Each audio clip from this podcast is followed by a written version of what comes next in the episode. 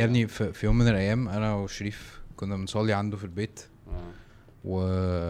وكان بيسألني أنا التجويد بتاعي يع- يعني يعني هو كان غيران سيكا من إن أنا بعرف اجود أحسن منه. ما شاء الله من ساعتها وهو مجتهد جدا كويس يعني كويس يعني يعني أحسن بكتير ما شاء الله. إزيكم عاملين إيه بدأت أنا بدأت طبعا أنا لازم أبتدي بداية كده في السكرات يعني. أه آه، قبل ما أبتدي عايز أشكر شاب كده أه كان هو ساعدنا في إن إحنا نجيب آه، بعض ال- العدة يعني. أه وعنده شركة اسمها USA Shop. هو بيجيب حاجات من أيوة، أمريكا أيوة. وبتاع. عارفه؟ لبس وكده. لبس آه. وحوارات. أنت عارفه يعني؟ شفت ال page أوكي حلو. ف... ف... فلو حد عايز حاجة من أمريكا أو بتاع آه الشاب ده أو ال- الشركة دي ثقة جدا يعني و I recommend them آه جدا. آه بس في الأغلب هتبقى حاجات برضو اللي هي الايه اللي وزنها خفيف مثلا أو حاجة عشان لو كان وزنها تقيل آه هتدفعه جامد يعني. وده إعلان مش مدفوع الأجر عشان؟ لا هو مش مدفوع الأجر الأجر هو يعني ك... ك... كدعم متبادل فاهم؟ شوف لو ينفع أجيب لنا فيزا. فيزا؟ انت بقول لك إيه اتكلم كده في المايك. بسم الله. آه، لا، تاني، تاني. بسم الله. بسم تاني. الله. السلام عليكم. تاني. بسم الله. تاني. بسم الله. أيوه كده. وطي بقى صوت المايك بسم بتاعي الله. عشان الناس اللي بتتضايق. يا عم فكك بقى. أنا نضفت المكتب برضه عشان الناس اللي بتتضايق. أنا مش هقول لهم نكتة النهارده عشان ال عشان ال comment بص هي مراتي وأمي فاهم؟ يعني أنا عندي 33 سنة كويس؟ فأنا بقالي مثلا على الأقل مثلا فاهم؟ 25 سنة الناس بت إيه بت بتجتهد إن أنا أنظم حياتي. فأكيد مش comment هيجي يعني فاهم؟ يعمل غيرك الحوار اشتري ده. حبيبي. بالظبط.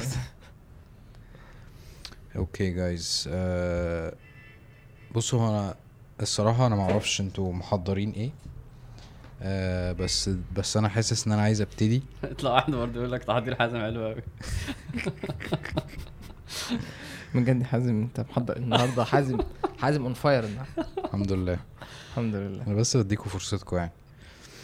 آه عايز أبتدي فعلا عايز أبتدي فعلا. آه بقول لك إيه قول أنت ال intro. ما عنديش intro يا عم. قول قول. آه، أنا النهارده حاسس إن أنا جاي أتكلم في موضوع أو إحنا قلنا يعني نكمل في كلامنا عن القرآن. بما إن إحنا المرة اللي فاتت آه، بنوجه الناس إنه روح للقرآن عشان يساعدك. فأنا حسيت وأنا وأنا بفكر يعني أنا جاي اتكلم عن مشكلة عندي يعني لو هي مثلا عند الشخص اللي بكلمه بنسبة مثلا 100% هي عندي بنسبة 60 70 أصلا. ف لأن للأسف ال... ال... الكلام عن القرآن حاجة وال... والإيمان بيه حاجة تانية. ف فعشان كده كنت عايز أحكي لك شوية. بس هحكي لك مع الناس بقى. ف...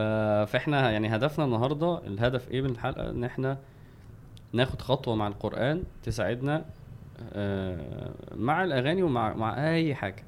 أوكي. لأن آه، يعني فوجئت من وأنا بفكر قريب جدا الناس اللي هي الناس اللي ال superstars بتوع الدين بالنسبة لي يعني فاهم؟ أيوه. إن الكوادر ال- ال- ال- مثلا الشيوخ التقال الحتة دي ولا اسيبها يا ابني أنا قلت حاجة.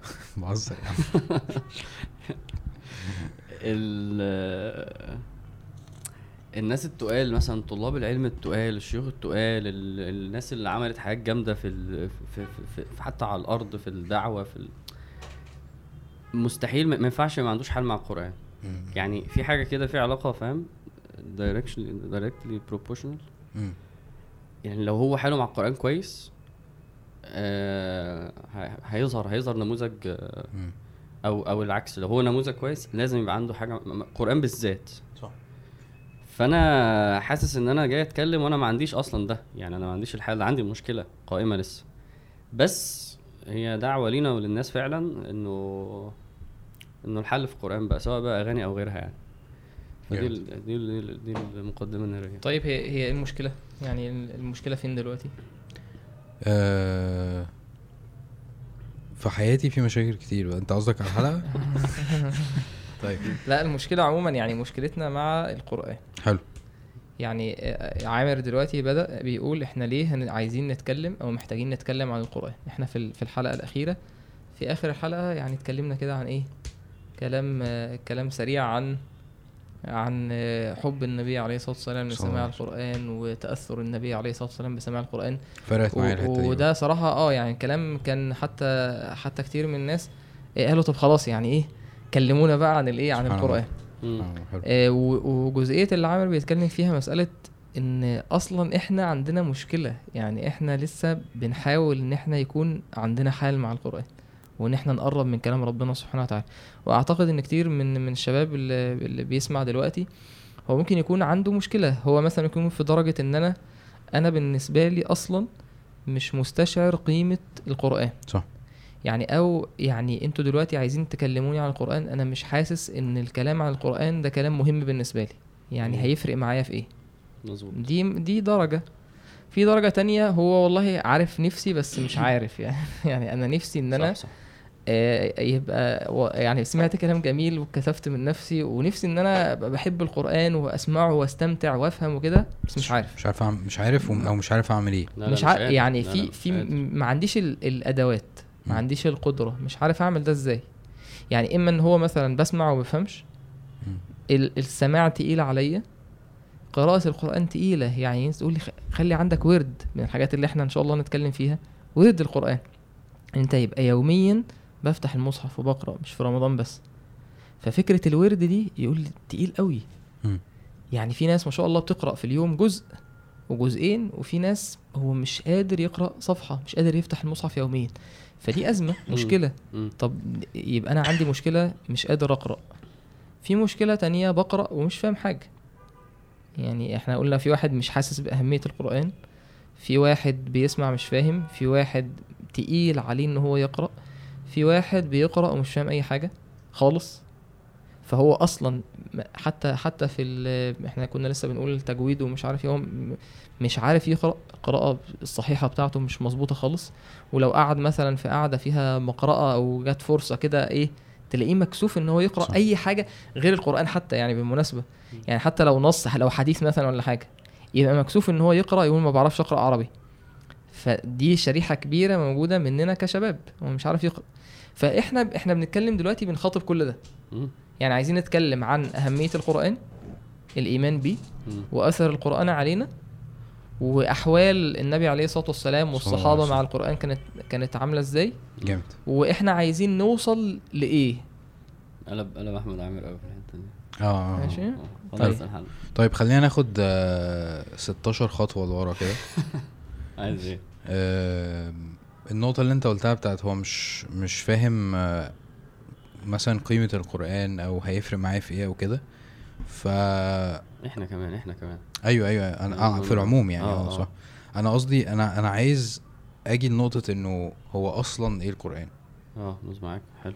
يعني إحنا بناخد الموضوع for granted كده اللي هو القرآن موجود ومش عارف إيه و... وبيتحفظ وصوتنا حلو ومش عارف إيه و... وكل الحوارات دي طيب. والآية بكذا ومش عارف. هو إيه. أصلا فاهم؟ أنا عايز أجاوب على الحتة دي لأنه ال- الإجابة آه نخلي القرآن هو اللي يقولها حلو لأن هي موجودة أصلا فيه في إنه ال الإنسان آه، يعني إحنا تحس الواحد يحس إن هو تايه آه، آه، حيران آه، متضايق آه، في ظلمات متخبط مريض مريض من جواه شهوات مسيطرة عليه حاسس إن أنا م- مش ماشي صح. ده حالنا. ده حال أي حد مش اللي هو بس اللي عايز يبقى كويس. ده حال أي حد سواء يدري أو لا يدري. يعني ده حال الناس. شايف شايف الحياة بمنظور غلط شايف الصح والغلط بمنظور غلط. في عقول بقى هي اللي بتقيم وكده. فالإنسان عايش تايه. فربنا سبحانه وتعالى بيتكلم عن القرآن وده من العجيب إن القرآن هو اللي يعني بيتكلم عن نفسه بيتكلم كتير إن ربنا بيتكلم كتير عن في القرآن هو القرآن. يعني كأنك ماسك كتاب. حاجة عجيبة إنك كل ما تفتح الكتاب يقول لك إيه خلي بالك الكتاب ده كذا كذا كذا. سبحان الله. بعد كده تقلب شوية بعد كده تلاقي الراجل اللي مثلا اللي كاتب الكتاب يقول لك بس على فكرة بقى الكتاب ده لا، يا عم خلينا نتكلم في الموضوع نفسه أنت عامل نفسه الكتاب. لا ليه؟ عشان. انت عندك ضعف إيمان شديد. لازم وعندك جهل أصلا بإن أنت ماسك إيه. فللمثل الأعلى القرآن لما ربنا وصفه و... و... و... واتكلم عنه. قولوا معايا الأوصاف اللي اتقالت يعني أنا حاولت أجمع كده يعني هتخلص. آه عملت كتيرة عملت جداً. بحث. جمعت كمية آيات يعني يبقى أنا بس كتبت كلمة جداً. قرآن أو قرانا مثلا يعني مم. جمعت كمية يعني من أول سورة البقرة قال تعالى شهر رمضان الذي أنزل فيه القرآن هدى للناس وبينات من الهدى والفرقان يعني أول حاجة إحنا عندنا مشكلة م- مش عارف الطريق القرآن بي بيعرفك الطريق. انت بتفتح البداية كده بيقول لك بسم الله الرحمن الرحيم الحمد لله رب العالمين الرحمن الرحيم مالك يوم الدين إياك نعبد وإياك نستعين اهدنا الصراط المستقيم اللي هو الطريق القرآن. فهداية هداية ربنا سبحانه وتعالى وإن أنت تعرف الحق من الباطل ويبقى عندك الفرقان ده الفرق بين الحق والباطل بين الليل والنهار بين الظلمات والنور دي وظيفة القرآن. تبارك الذي نزل الفرقان. يعني سمى القرآن إيه؟ فرقان ليه؟ علشان بيخلي الدنيا عندك واضحة. عارف عارف والله العظيم من نعمة ربنا على الإنسان في أسئلة كتير هي بالنسبة لك أنت كحازم وكشريف وكعامر أسئلة إجابتها بديهية جدا. يعني أنت مين؟ آه مخلوق هنا ليه؟ بتعمل إيه؟ لما هتموت إيه اللي هيحصل؟ إيه المفروض إزاي إن أنت تمشي في, في الدنيا دي؟ إيه دورك في الدنيا؟ إيه هي الدنيا دي؟ إيه هي الدنيا؟ قيمة الدنيا. في مفاهيم كده حاجات لما أسألك عليها تقول لي عادي يعني أنا دي بالنسبة لي ألف ب عقيدة ألف ب إسلام. أنا عايز أقول لك إن الحاجات الأساسية بالنسبة لك دي كتير من الناس أمم ب ب على مر العصور صح. والتاريخ. صح. يعني حاجات بسيطة يعني أمم ضلت بس في سورة الإخلاص اللي هي اللي عندك دي قل هو الله أحد الله الصمد لم يلد ولم يولد ولم يكن له كفوا أحد. شوف كم أمة هتيجي في يوم القيامة تدخل النار بسبب إيه؟ هو ضل في الجزئية دي بس. في في نقطة كمان انت لو لو لو, كان القرآن ما نزلش الإجابات اللي عندنا دي عمرها ما كانت هتبقى عندنا. مفيش إجابات. يعني يعني كانت الإجابات هتبقى زي الإجابات الغلط. كانت كل كل الإجابات غلط. الإجابات الصح ما جاتش إلا عشان القرآن قالها لنا. فدي نقطة مهمة إن الواحد لازم يفهم إن هو الضياع اللي أنا فيه والتيه والتخبط ده عشان القرآن ما صلحليش الحاجات دي. وعشان كده مسميات القرآن بقى أكتر من كده بكتير طبعا. وأوصاف القرآن يعني نقول في ظلمة ربنا قال أنزلنا إليكم إيه؟ نورا. أنا حاسس إن أنا مش عارف أظبط مع ربنا هدى للناس. أنا حاسس بمرض أنا حاسس إن واحد من الأغاني مسيطرة. عليه كذا ربنا قال لي قل هو للذين آمنوا هدى وشفاء. قول لهم إنه. ده الدواء. اوصاف القرآن بقى كلها كده. أنا حاسس إن أنا المادية مأثرة عليا وكده وكذلك أوحينا إليك روحا من أمرنا. طبعا كلام القرآن عن القرآن إجابات لحالنا الوحش. أنت عندك مشكلة هنا؟ القرآن جاي عشان يعمل لك دي. لو عندك مشكلة دي القرآن هو بس وبس. يعني أن هذا القرآن يهدي للتي هي أقوم. عايز تستقيم القرآن هو اللي بيخليك تستقيم. فسبحان الله الك... إيه هو القرآن؟ القرآن هو ال... ال... العلاج الوحيد الحل الوحيد عشان إحنا نعرف نعبد ربنا. فده بقى إسقاطه على الأغاني بس حاجة فاهم؟ بقت صغيرة قوي قوي إحنا مش بنتكلم على الأغاني. صح صح. إحنا بنتكلم على الحياة كلها. مم. منها حاجة عبيطة قوي اسمها الأغاني القرآن. يعني يعني فعلا يعني سلطان القرآن عليك؟ لو لو القرآن فعلا هو ال- ال- ال- اللي بنانا وهو اللي ك... لا لا ما ما- لا اغاني ولا غيره. فإحنا عندنا هنا مشكلة في دي. عندنا ضعف إيمان إنه إنه إنه أنا أنا بقول لك أنا واحد من ده لأن عشان في فرق بين أنا مؤمن ده كتاب كلام ربنا وإن هو بيغير بس لأنهي درجة؟ يعني الإيمان لأنهي درجة؟ لدرجة إن أنا بروح له وبتغير بيه ولا لأ؟ بروح- أنا أنا بروح واقف أدور فين؟ على حلول جواه آه. ولا أنا- بروح عشان آخد حسنات أنا عشان واقف فين؟ آه. أنا أنا حاسس إن أنا علاقتي إحنا أنا حاسس إن أنا ما خدتش من القرآن 10% أصلا. ده بكل وضوح. إيماني بيه ما وصلنيش لأكتر من كده. عارف يا وبذلي معاه بعد كده. سبحان الله عامر لما حازم بيسأل آه، هو بيقول هو إيه القرآن؟ هو القرآن على قد ما ده يعني دي إجابة ممكن تبقى هي يعني سهلة وبسيطة. إن القرآن كلام الله.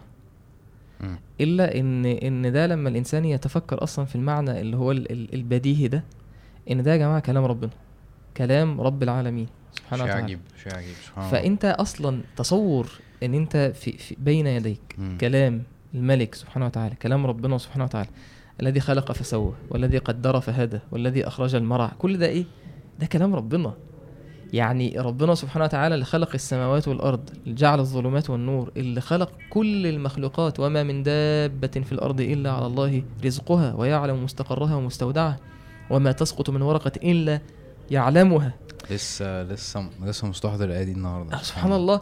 يعني ال ال لما أنت تتصور جزء كبير من إيمانك بالقرآن وأثر تعظيمك للقرآن في قلبك ده هيجي نتيجة إيه؟ نتيجة تعظيم تعظيم الإنسان المتكلم. للمتكلم بالقرآن ده. مم. هو يا جماعة ده كلام مين؟ ده مش كلام آه، ده وقالوا أساطير الاولين اكتتبها فهي تملى عليه بكرة وأصيلا. قل أنزله الذي يعلم السر في السماوات والأرض. يعني ده ده مش كلام بشر. هم أصلا كانوا المشركين بيقولوا كده. إنما إيه؟ يعلمه بشر. لا.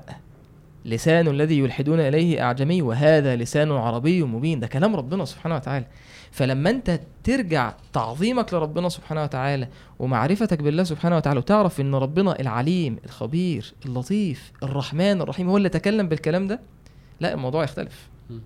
الموضوع هيختلف. إيمانك بيه هيختلف تصديقك ليه هيختلف وده ده ده اللي هينقلنا يعني أوصاف القرآن زي ما كان عامر بيتكلم. أنا عايز بس الناس اللي اللي, اللي بتتفرج لحد كده ادخل اعمل بحث على على الآيات. وأوصاف القرآن. آه اكتب بس. القرآن. اكتب بس القرآن وجمع الآيات وعيش معاه قال تعالى وننزل من القرآن ما هو شفاء ورحمة للمؤمنين ولا يزيد الظالمين إلا خسر وقال تعالى ولقد صرفنا للناس في هذا القرآن من كل مثل فأبى أكثر الناس إلا كفور. فده إيه، إيه، شوف حتى ربنا سبحانه وتعالى يقول للنبي عليه الصلاة والسلام. وإنك لتلقى القرآن من لدن إيه حكيم عليم. آه. يعني القرآن ده مش جايلك من أي حد وإنك لتلقى القرآن من لدن حكيم عليم. فده دي الوقفة الأولى إن أنا محتاج أعيد آه، حساباتي مع القرآن. هو هو وضعه إيه في حياتي أهميته إيه عندي؟ إيماني بيه عامل إزاي؟ إيه هو؟ م- السؤال ده عميق جدا. إيه إيه هو القرآن ده؟ يعني آه أنت شايفه إيه فعلا؟ وكل شوية يمسك القرآن يقول له أنت متخيل ده إيه؟ أنا من الآيات اللي بحبها قوي سورة الأنبياء ربنا بيقول له إيه؟ قل إنما أنذركم بالوحي. أنا مش بقول كلام من, من عندي. ده أنا بكلمكم من حاجة جاية من فوق. إنما أنذركم بالوحي. ف ف ف ف فالإنذار ده مش مش مش كلام عادي. إنما أنذركم بالوحي. وفي سورة سبق قل آه، إن ضللت فإنما أدل على نفسي وإن اهتديت فبما يوحي يوحي إلي ربك. الي ربي الله اللي ربنا هيقوله لي ده اللي بيهديني. من غير كده مفيش. كنت لسه امبارح يعني كنت لسه وأنا جاي في الطريق أنا وعبد الله بن بنسمع درس من دروس السيره ال- بتاعت الشيخ سعيد الكملي. فجه موقف فاستغربنا من إن يعني هي مش حاجة غريبة يعني. إن في مواقف الدعوية اللي جت للنبي عليه الصلاة والسلام مع المشركين زي مثلا إيه آه، لما كان جالس مع وفد آه، اللي كان فيه المثنى بن حارثة والناس دي بني شيبان. بني شيبان. النبي عليه الصلاة والسلام عمل إيه؟ قرأ قرآن. آه آه, آه قاعد مثلا مع عتبة بن ربيعة يعمل إيه؟ قاعد يتكلم يتكلم يتكلم. عتبة بن ربيعة يقول له لو بيك ح... لو بيك فقر هن- هنجيب لك نجمع لك مال. لو عايز تتجوز هنجوزك. لو عايز تبقى في السيادة هنخليك سيد. خلص. خلص فرغت. فرغت يا أبا الوليد. يقول فاسمع اذا يقرأ عليه. هو النبي عليه الصلاة والسلام ما اتكلمش يقرأ صدر سورة فصلت. ف صدر يعني يعني يعني. البداية بداية سورة فصلت يعني. لحد لما وصل ف- فإن أعرضوا فقل أنذرتكم صاعقة مثل صاعقة عاد وثمود. ف- فرواية من الروايات آه، صراحة كنت أول مرة أسمعها إن إن عتبة بن ربيعة لما إيه قال حسبك وحط إيده على على على فم النبي عليه الصلاة والسلام عشان ما يكملش. فلما رجع فالمشركين بيقولوا نحلف بالله لقد جاء عتبة بغير الوجه الذي ذهب به. فقالوا ما, ما سمعت منه. فقال والله ما ما فهمت ما شيئا. ما فهمت شيئا. إلا أنه أنذرنا صاعقة مثل صاعقة عاد وثمود. يقولون ويحك يحدثك بكلام عربي ولا تفهم شيئا. قال والله ما فهمت شيئا. قال تعالى قل هو الذين آمنوا هدى وشفاء والذين لا يؤمنون في آذانهم وقر وهو عليهم عمى. أولئك في ضلال بعيد. فالحتة دي اللي النبي عليه الصلاة والسلام قل إنما أنذركم بالوحي. يعني ده كلام اللي النبي عليه الصلاة والسلام كان. بيغير بيه نفوس الصحابة. مم. تحولوا من حال لحال. هي بس بالوحي بالقرآن ال- في كام حديث كده؟ سبحان إن الله. لما النبي صلى الله عليه وسلم يقول إن الله. يرفع بهذا الكتاب أقواما يعني كلام النبي صلى الله عليه وسلم عن القرآن. برضو آه، مش مش مش مش برضو إيه ملوش علاقة بنظرتي للقران يعني نظرتي للقران ان ده كتاب مهم جدا وكده بس النبي صلى الله عليه وسلم ما. اتكلمش في المستوى ده لأن حقيقة القرآن برضو مختلفة إن إن الله؟ يرفع بهذا الكتاب ويضع آخرين وإنه ليس في جوفه شيء من القرآن. كالبيت الخارج البيت الخرب. يعني شوف بقى واحد عايز يظبط علاقته مع ربنا ومش عارف إيه. النبي عليه الصلاه والسلام بيقول له لو أنت ما عندكش قرآن أنت زي البيت الخارب تخيل بقى فاهم؟ واحد مش مدرك وهو بيت خارب وعايز يبقى كويس. طب ما هو ده ده إحنا ده إحنا ده إحنا أصلا تحت خالص كده. انه النبي صلى الله عليه وسلم يقول إنه إنه انه هو زي إيه؟ ال- سبب، ال- آه حبل. طرفه بيد الله وطرفه بأيديكم. يعني التصوير ده سبحان الله. يقول لك إن أنت لو مش ماسك في القرآن أنت أنت غرقت أنت وقعت أنت واعتصموا بحبل الله جميعا ولا تفرقوا. فالكلام عن ال... كلامنا مش عن القرآن صلى الله غير عليه اللي إحنا بنقوله. يعني عارف، غير- آه، غير غير فاهم غير اللي هو إيه قشطة أنا عايز أبقى اقراه لأ. إيه عايز تقول إيه؟ حديث ال- اللي أنت بتقوله اللي هو النبي عليه الصلاة والسلام قال إن الله عز وجل يرفع بهذا الكتاب أقواما ويضع به آخرين. ده كان كان ليه قصة جميلة يعني إن سيدنا عمر كان استعمل رجل على أهل مكة. مم. يعني إن هو يبقى يعني ال- الوالي على أهل مكة في خلافة عمر. فالراجل ده قابل سيدنا عمر في في مكان في سفر يعني إيه، فسيدنا عمر سأله قال من استعملت على أهل الوادي؟ قال استعملت ابن أبزة. يعني قال قال استخلفت مين مكانك؟ قال استعملت ابن أبزة. فقال عمر رضي الله عنه ومن ابن أبزة؟ مين ابن أبزة ده. قال يا, يا أمير المؤمنين مولى من موالينا. يعني مولى من الموالي. سيدنا عمر صدم قال له انت استعملت على أهل مكة؟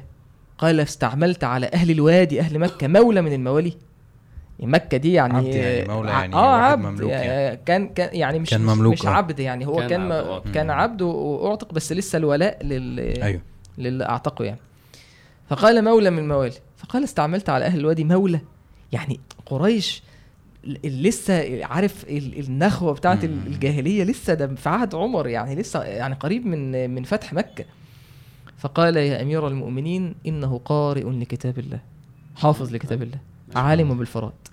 فقال سكت عمر خلاص.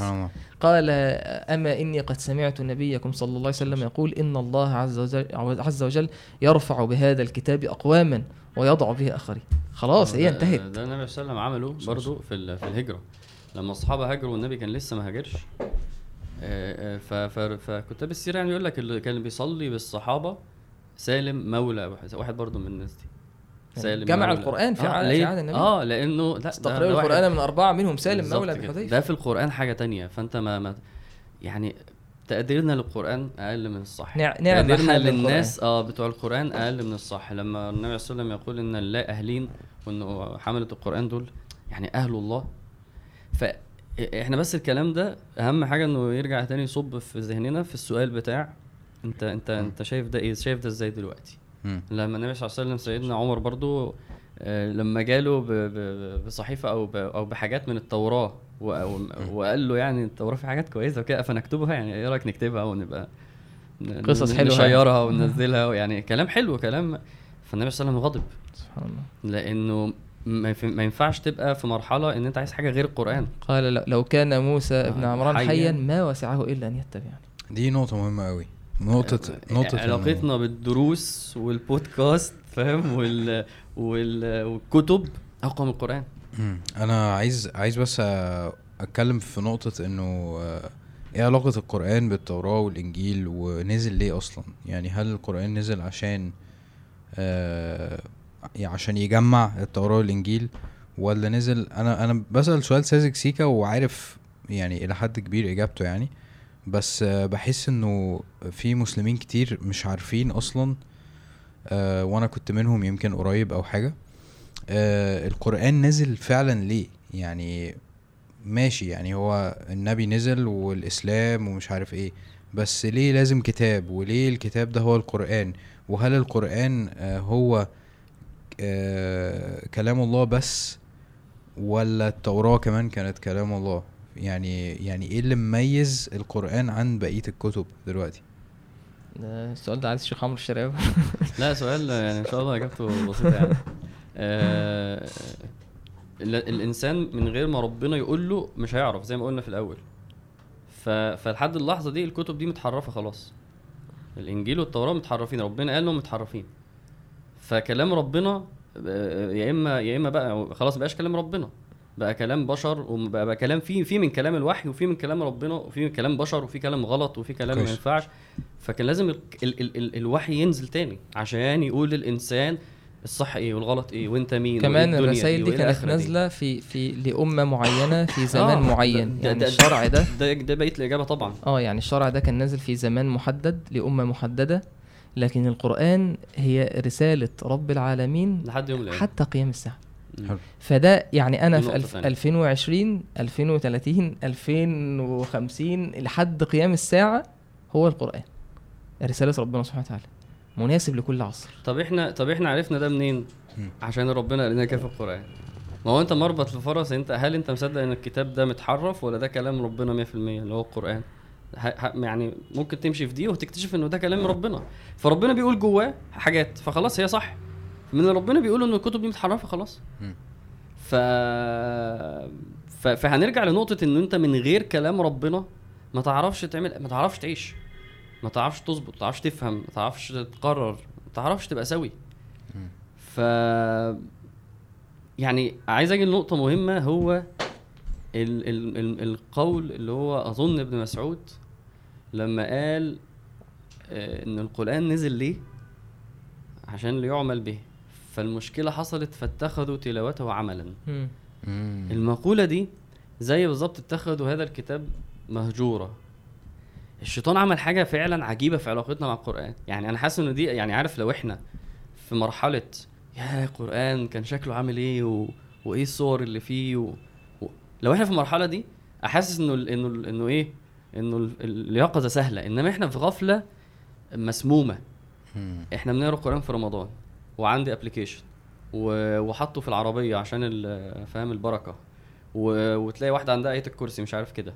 وفي المطبخ وفي ال... وفي العزا. القران موجود. بس مش موجود عشان دوره. folk. آه. فولكلور وبتاع. مش موجود عشان المفروض عشان كده فاتخذوا تلاوته عملا بقى أقصى علاقتنا بيه إن أنا أسمي قريته. حفظته. حتى وبحفظ بيحفظ قرآن وبي بس وقف هنا خالص. وتاني بقى بص لحاله ما هو مش ده حامل مش ده أهل الله مش هم مش بيبقوا عاملين كده. ففي مشكلة في تلبيس الشيطان انت المفروض يعني عشان كده بقول لك أنا بقول إن مش مؤمن ولا طبعا مؤمن كلام ربنا. ما هو مش ده مش. في الشيطان عمل خدعة أنا بحسها قوية جدا إن القرآن موجود وبقوة يعني و و و والناس عارفة آيات وفاهم والناس ع... بس خلاص بس وقفنا هنا برضه. فدي مشكلة كبيرة مم. عند عندنا كمسلمين مع القرآن على فكرة الجزئية دي مسألة إن أصلا ال ال يعني علشان تعرف قيمة القرآن تعرف تبص من قدر اهتمام الشيطان بصرف الناس عن القرآن حلو يعني ربنا سبحانه وتعالى قال فإذا قرأت القرآن مم. فاستعذ بالله من الشيطان الرجيم كان دي أول حاجة يعني سمعتها، انت انت. من البداية يسن ليك و- و- ويشرع عليك من السنة مستحب إن أنت أول لما تيجي تقرأ قرآن تستعيذ بالله من الشيطان الرجيم. ابن القيم ليه كلام في, ال- في الآية دي في غاية الجمال. يعني بيتكلم إن ليه ربنا سبحانه وتعالى أمرنا أو من السنة إن الإنسان يستعيذ بالله من الشيطان قبل ما يبدأ في القرآن. قال كلام طويل يعني ملخص الكلام ان إن الشيطان هدفه إن أنت يعني يصرفك عارف بإيه؟ بال... بالأعلى فال... فالاقل يعني. إما إن هو يصرفك عن القرآن تماما تعرض عنه. طيب لو أنت مقبل عليه وعايز تقرأ يخليك إن أنت تقرأ قراءة زي ما عامر بيقول كده إيه. عادي. آه هزا كهز كهز الشعر. مش ما, تس... ما تستفيدش منه أي حاجة. مم. أو إن أنت ماسك المصحف وكده القرآن في إيدك وقلبك وعقلك في حتة تانية خالص. وأي نوتيفيكيشن تيجي على الواتساب ولا على أيوة. بتاع أنت عايز بس إيه؟ همك إن أنا صح كده. أعمل صح إن أنا خلصت الورد النهارده أو إن أنا بتقعد تقلب هي الصورة هتخلص إمتى؟ مم. عايز أخلص. هي مهمة وعايز أخلصها. لما تشوف الحال اللي إحنا فيه ده آه، اولا ما تستغربش الواقع بتاعنا ليه كده؟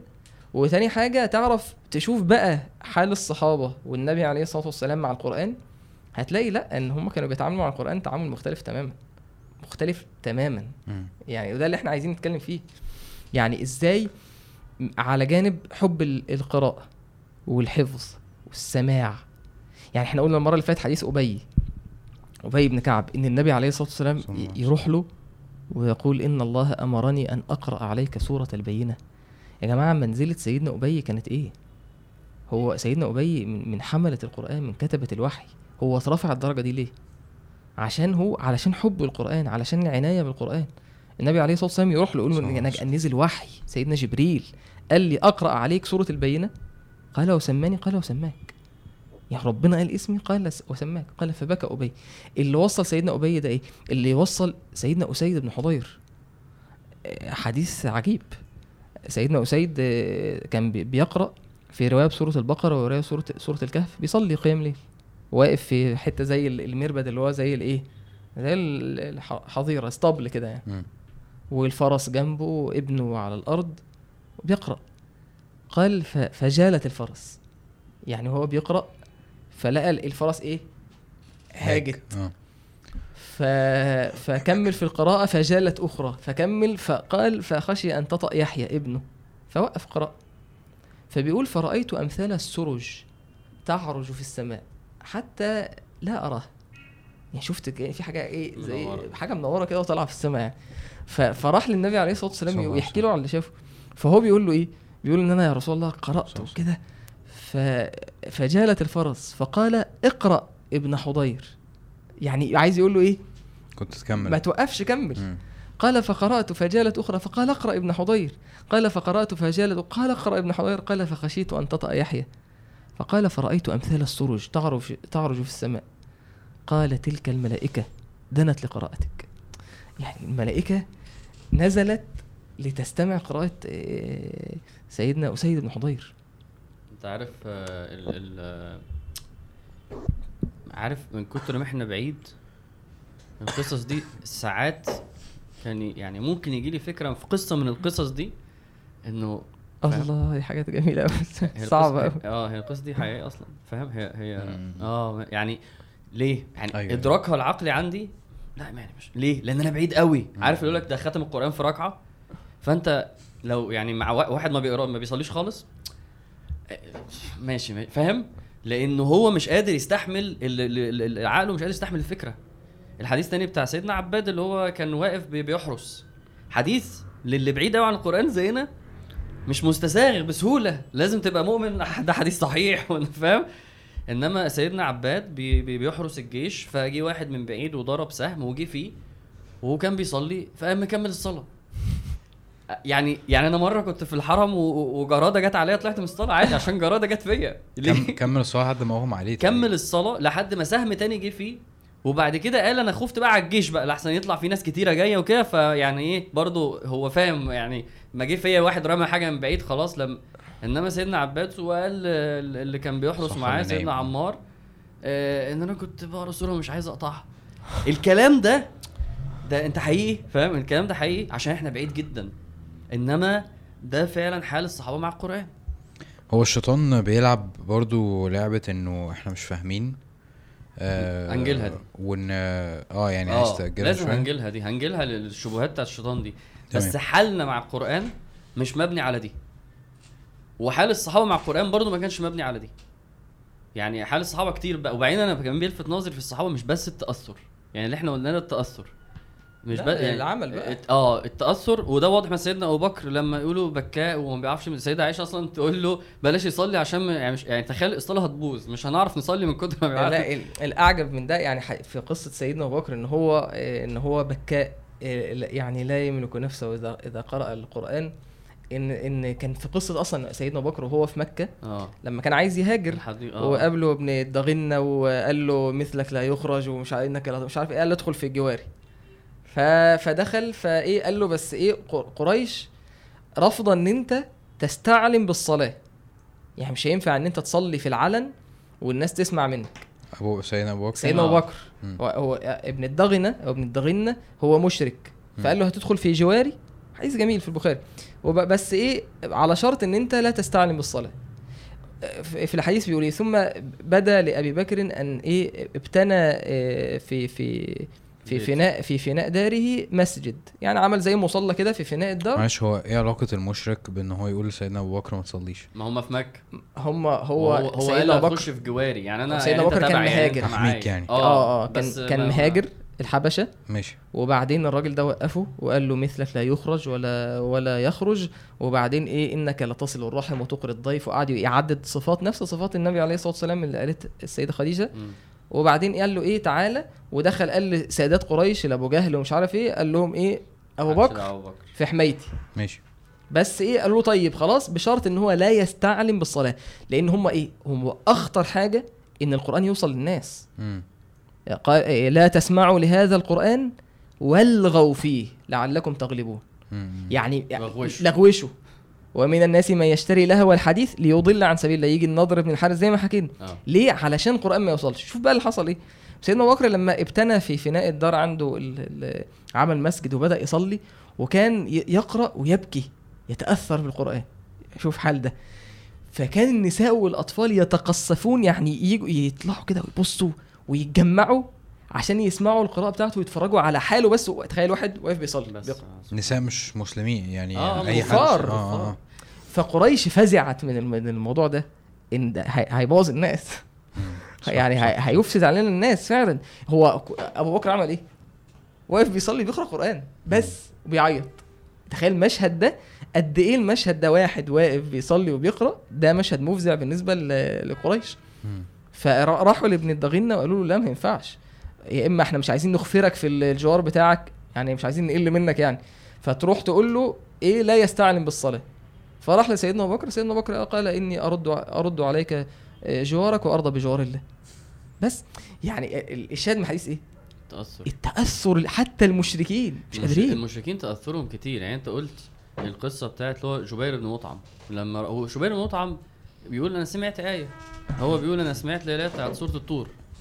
هو كان بيسمع وأم خلقوا من من غير غير شيء أم هم الخالقون؟ قال كاد قلبي ان يطير. و... وحتى اللي أنت لسه قايله برضو العتبة هم لما رجع قالوا له إيه؟ قالوا إيه؟ وشه متغير. الناس كانت بتتغير بس لما تسمع القرآن. صحيح. ف و... وسجود المشركين قلنا في سورة النجم. أنا ما بقولش المواقف اللي إحنا قلناها خلاص. بس ال- ال- الكلام مثلا بتاع الوليد بن المغيرة عجيب.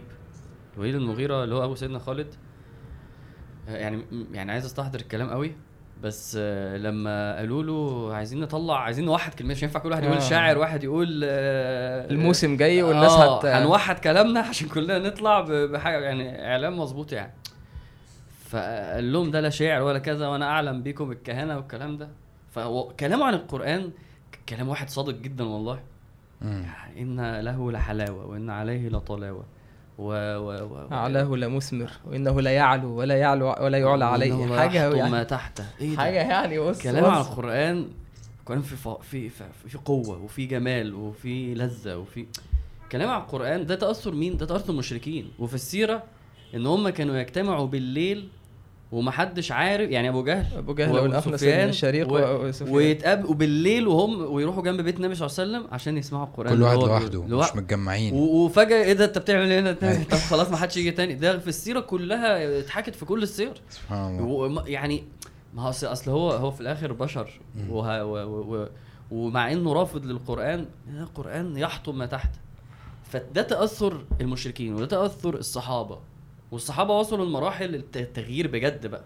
هي عايزين بقى بجد. نقلة العمل يعني إزاي كان على مستوى العمل الصحابة كانوا بص أنا بس ساحلني في حتة كده سحلتني إن هو يعني الوليد بن المغيرة كان آه مؤمن إن ده كلام ربنا. آه طبعا. كويس؟ آه وما عملش بيه ولا حاجة. طبعا. ففي ناس أنا مش بشاور على حد معين أنا بتكلم في العموم بس أيوة، أيوة أيوة. الفكرة يعني. انه إنه في ناس مسلمين عند في- في نفس الحالة دي. طبعا. عارفين إن هو ده أيوة، أيوة. القرآن؟ صحيح. ب ب ب بنسب طبعا مختلفة أيوة، طبعاً. فاهم قصدك. وربنا قال كده فقتل كيف قدر. الوليد بن المغيرة قعد يفكر إحنا مم. عارفين إن ده كلام ربنا بس هنعمل إيه بقى دلوقتي؟ فربنا قال كيف قدر. مم، ثم قتل بيدعي عليه كيف قدر؟ مم، ف ف فاستكبر فقال إن هذا إلا سحر يؤثر إنما هو عارف. مم. فطبعا فينا كده طبعا. في حاجة محتاجين أنا شايف محتاجين نوزن نفسنا بيها فعلا. أنتوا قاعدين تقولوا الإيمان وانت كده ل- لازم تؤمن أكتر ولازم تؤمن ومش عارف إيه. فهو الإيمان الدلالة عليه العمل أيوة اللي انت اللي أنت تعمل. صح. فاحنا إيه عايزين إيه نوصل بس؟ للصورة دي. إيه الحلاوة آه يعني, آه. يعني إحنا يعني إحنا مؤمنين. درس عقيدة. خلينا نقول إحنا عارفين إن ده إن ده كلام عندنا- ربنا. عندنا إيمان بس هل هو في فرق كافي؟ بين انك عارف وفي فرق بين انك مؤمن. يعني صح؟ مش كده؟ يعني انت عارف؟ بص النبي صلى الله عليه آه، وسلم لما يقعد صح، يقول صح. إيه صح، لن صح. يؤمن آه لن يؤمن أحدكم. دي هي هو لن يكتمل. حلو. فهو إحنا عندنا نسبة إيمان كده محتاجة تعلى. حلو. محتاجة تدعم بالعمل عشان تعلى. م- م- ف ففي مرحلة معينة من الإيمان يعني إيمان يبلى زي ما النبي صلى الله عليه وسلم قال. ف فأنا أنا أنا بحب القرآن بس مش للدرجة الكافية. أيوة. أنا مؤمن بالقرآن بس مش للدرجة الكافيه هي دي النقطة وأنت بتقول إن هو آه وأنت بتذكر الآية بتاعت فيه شفاء وكده إنه فعلا الناس بتشوف إن هو القرآن ده حاجة من عند ربنا وحاجة جميلة جدا ومش عارف إيه بس هو يعني أكيد هو مش عملي لدرجة إن هو فعلا يحل لي مشاكلي أيوة، أيوة، أيوة. عارف اللي هو أنا أنا زعلان اقرا القرآن أيوة. يا عم أنا زعلان أيوة، أيوة. طيب ماشي ما هو فعلا هنا لما لما العقل هو اللي يبقى يعني؟ بالظبط. مش الإيمان ده دليل على أي بالظبط كده ده دليل أنا مش بقول للناس إن أنتوا مش مؤمنين اللي هو أنتوا عكس الإيمان الكفر مش قصدي كده أنا قصدي إنه الإيمان آه، ما دخلش في القلب وما خلاه وما خلاهوش يترجم لأعمال لأن أنت لو مؤمن فعلا فعلا هتمسك وأنا بص كلنا آه يعني يعني أنا أنا مدرك تماما قد إيه أنتوا حاسين إن أنتوا مش مش من حقكم أصلا تتكلموا في الحلقة دي. والله. كويس. جدا. ف... وأنا كمان فما جدا. بالظبط. ده اللي أنا كنت فما بقوله فما لكم بالكم هي دي أنا اللي بتزعلك فما بالكم أنا ده اللي أنا كنت بقوله من أول الأسبوع عارف. بلاش نتكلم في القرآن. استنى عشان أنا بس بس ده الشيطان بقى. يا مش شرط يكون ده يعني الشيطان. يعني عارف إيه؟ أصل إحنا مش طالعين- النفس. بس إيش- يعني إحنا لو ما عملناش الحلقة دي بإن أنا عندي 60 70% مشكلة. حلو جدا. ع- بس بس أنت صح دلوقتي. مم. تمام. إحنا دلوقتي عايزين عايزين نخرج من اللي إحنا فيه كلنا. بالظبط. إحنا يعني أكيد الأحسن إن إحنا نعمل الحلقة. من إن إحنا ما نعملهاش. عارف؟ أه أه يعني لا لا لا لا بس- كلامك صح بس تمام. الواحد من كتر ما هو عنده حاسس بمشكلته كويس. وده اللي شريف قاله في الأول يعني أنا بهزر معاك بقول لك في بالك أنا لأنه شريف قال لي في الأول في واحد كذا وفي واحد عارف الكلام ده ومشكلته في بذله مثلا مع القرآن النوع الثالث اللي قاله ده. ودي مشكلتي مش يعني عدم مع- البذل؟ ما هو يعني هنجيلها كمان شوية. إن- ماشي، إنه- ما تقول. هنجيلها صح؟ لا لا. خلينا بس عشان نبقى ماشيين بالترتيب. خلي طيب. عشان شريف النهارده أصل احتمال ننساها. لا مش هننساها عليك ده الله. كله مكتوب ومدروس. طيب مش هننساها إن. شاء الله. إحنا مش بنطبق بس بنحضر. طب أنا عايز أتكلم في نقطة بس مهمة. قبل ما آه. قبل ما ننتقل لجزئية الصحابة العملي مع. لجزئية العمل. معلش. قول. إيه هو كان تعليق على كلام حازم يعني. إحنا يا جماعة ال- مستوى أو أثر القرآن في التغيير مش بس على ال- يعني قبل ما ننتقل لتفاعل الصحابة العملي مع. القرآن في جزئية مهمة إن أثر القرآن مش بس الانفعالات اللي هو واحد مثلا بيبكي آه. أو أو إن مش بس كده. إن القرآن ليه أثر على تغيير مفاهيمك. أيوه في القرآن ممكن أنت بتقرأ مش حاسس بأي أثر. لكن القرآن بيعمل عمل في قلبك بيشيل الران الصدى اللي على القلب ده الذنوب الطبقات. هو بيشيل وانت مش حاسس. بس هو مؤثر في القلب مؤثر على مستوى التصورات الأفكار. يعني أنا أنا بحب جدا ايات اللي اللي في سورة الأحقاف وفي سورة الجن اللي بتتكلم عن الجن. ماشي. يعني تفاعل الجن مع القرآن. مم. في في في سورة الأحقاف قال تعالى وإذ صرفنا إليك نفرا من الجن يستمعون القرآن. ألف سلام عليك. حسن خاتمة دي ولا إيه؟ مش كورونا إن شاء الله ما تقلقوش. آيات سورة ال- ال- الأحقاف. وإذ صرفنا إليك نفرا من الجن يستمعون القرآن. فلما حضروه قالوا أنصتوا. يعني ده. بداية ال- بداية الإيه؟ الانتفاع. إن في ذلك لذكرى لمن كان له قلب أو ألقى السمع وهو شهيد. أنت بتطلعنا بقى ليه بقى دلوقتي؟ معلش هي جت كده. ماشي. يعني أنا همسك- أنا همسك. معلش معلش خليها في. إيه، فقالوا إيه؟ إيه، إيه، قالوا أنصتوا. فلما حضروه قالوا فلما قضي ولو ولوا إلى قومهم منذرين. يتحولوا من ناس مش عارفين إيه ده. بيبشروا. لل- للدعاء. قالوا يا قومنا إنا سمعنا كتابا أنزل من بعد موسى مصدقا لما بين يديه يهدي إلى الحق وإلى طريق مستقيم. يا قومنا أجيبوا داعي الله وآمنوا به. يغفر لكم ذنوبكم ويجركم من عذاب أليم. إيه ده؟ التحول العجيب في إن, إن واحد كان في اتجاه وبقى في اتجاه تاني خالص. تحول على مستوى التصورات الأفكار. يعني ده تحول إن هو ما كانش بيعمل بقى بيعمل. ده في الجن. إيه، وفي سورة الجن قال تعالى آه، قل أوحي إلي أن قل أوحي إلي أنه استمع نفر من الجن فقالوا إنا سمعنا قرآنا عجبا. يهدي إلى الرشد. شوف ال- ال- عرفوه. مم. يهدي إلى الرشد. فآمنا به. ولن نشرك بربنا أحدا. وأنه تعالى جد ربنا ما اتخذ صاحبة ولا ولدا دي التصورات بقى. أ- وأنه الأفكار. بدأت الأفكار تتبدل. وأنه كان يقول سفيهنا على الله شططا سفيهنا اللي هو مين؟ مين؟ إبليس. إبليس. يعني هو كان كان آه، بالنسبة لهم بقى ده. ال- الكبير العظيم في لحظة في جلسة سمعوا القرآن من النبي بقى سفيه. يعني ممكن أنت تدخل القرآن الدنيا دي عندي كبيرة قوي ونفسي والأنا وعايز أعمل تخرج. على فكرة عادي. كان في كان كان في درس آه، الدكتور أحمد جميل يعني كل مرة ب- بقول للناس على درس اسمه النظر إلى السماء. مم. الناس ممكن تروح تتابعه ونوقف آه عادي يعني. وربنا يبارك في الشيخ يعني. اسمه النظر إلى السماء. أيوه أيوه فاكر ده. درس جميل قوي. يعني. أنا أنا الدرس ده الدرس ده بصراحة جالي في اسمه وقت إيه بتقول؟ النظر إلى السماء. إلى السماء. الدرس ده جالي في وقت يعني كان عندي فيه مشاكل كتير كنت بمر في فتره كده ابتلاءات في حياتي مشاكل ف... فالدرس ده جالي في وقته. يعني صراحة يعني ربنا نفع عنده ابتلاءات زينا بس ابتلاءات الأولياء دي بتبقى حاجات طيب انت عارف برضو آه, خلينا استنى آه انت. هتقول الدرس؟ آه. أنا مش هقول الدرس. إيه، لا هو الشيخ كان بيتكلم عن فكرة إيه؟ اللي أنا عايز النقطة اللي أنا عايز أتكلم أنا أنا كل ده برد على جزئية إن أنت بتقول هو القرآن آه، ممكن يأثر في حياتي أو يحل لي مشاكلي إزاي. انت ممكن ما تلاقيش حل مشكلتك وده كان كلام الشيخ يعني أنا أنا بنقله يعني ممكن ما تلاقيش حل مشكلتك في الآية دي هنا في في في بالتفصيل كده آه، ب- آه، حازم كلم آه، فلان كلم فلان أو اعمل كذا. أو ش- لا عادي. انت ممكن تدخل تخرج من ال من ال من من القيام. مثلا. بحاجة إن ربنا سبحانه وتعالى بعقيدة جواك أن الله عز وجل على كل شيء قدير.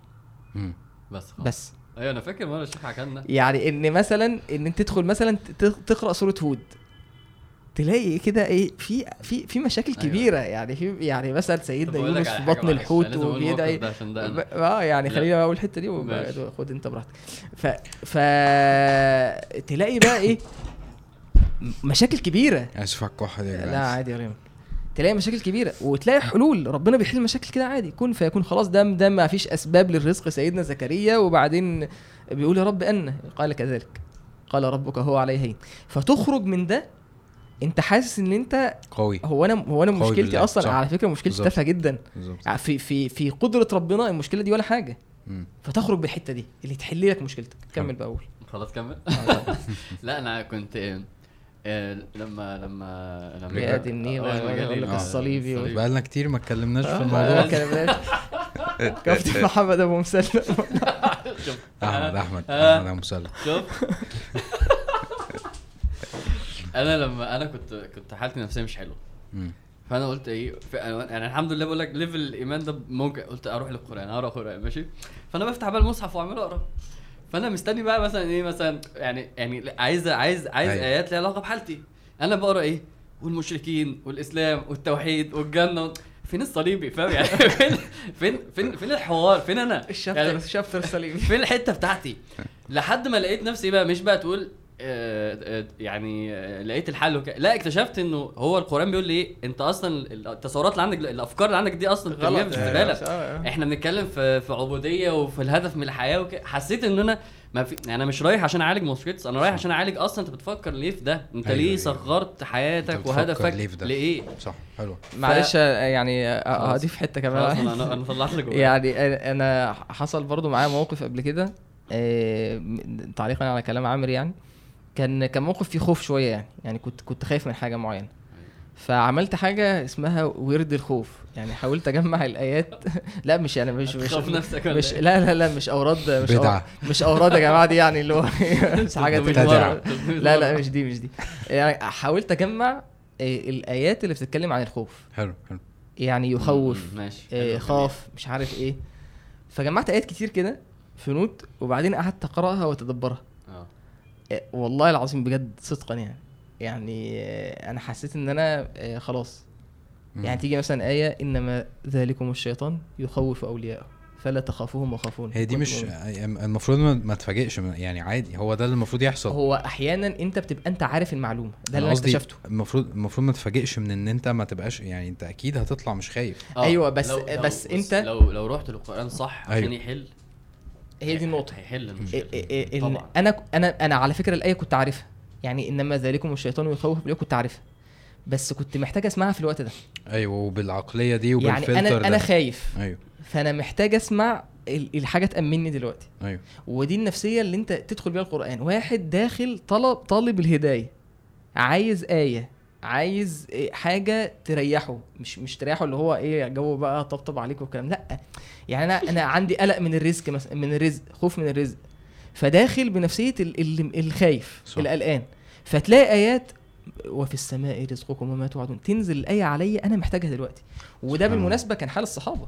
إن ال- ال- القرآن كان بينزل في واقع متحرك. نثبت به فؤادك آه وكلا نقص عليك من أنباء الرسل ما نثبت به فؤادك. يعني القرآن الناس ماشيين فتنزل آية في الوقت حصل مشكلة.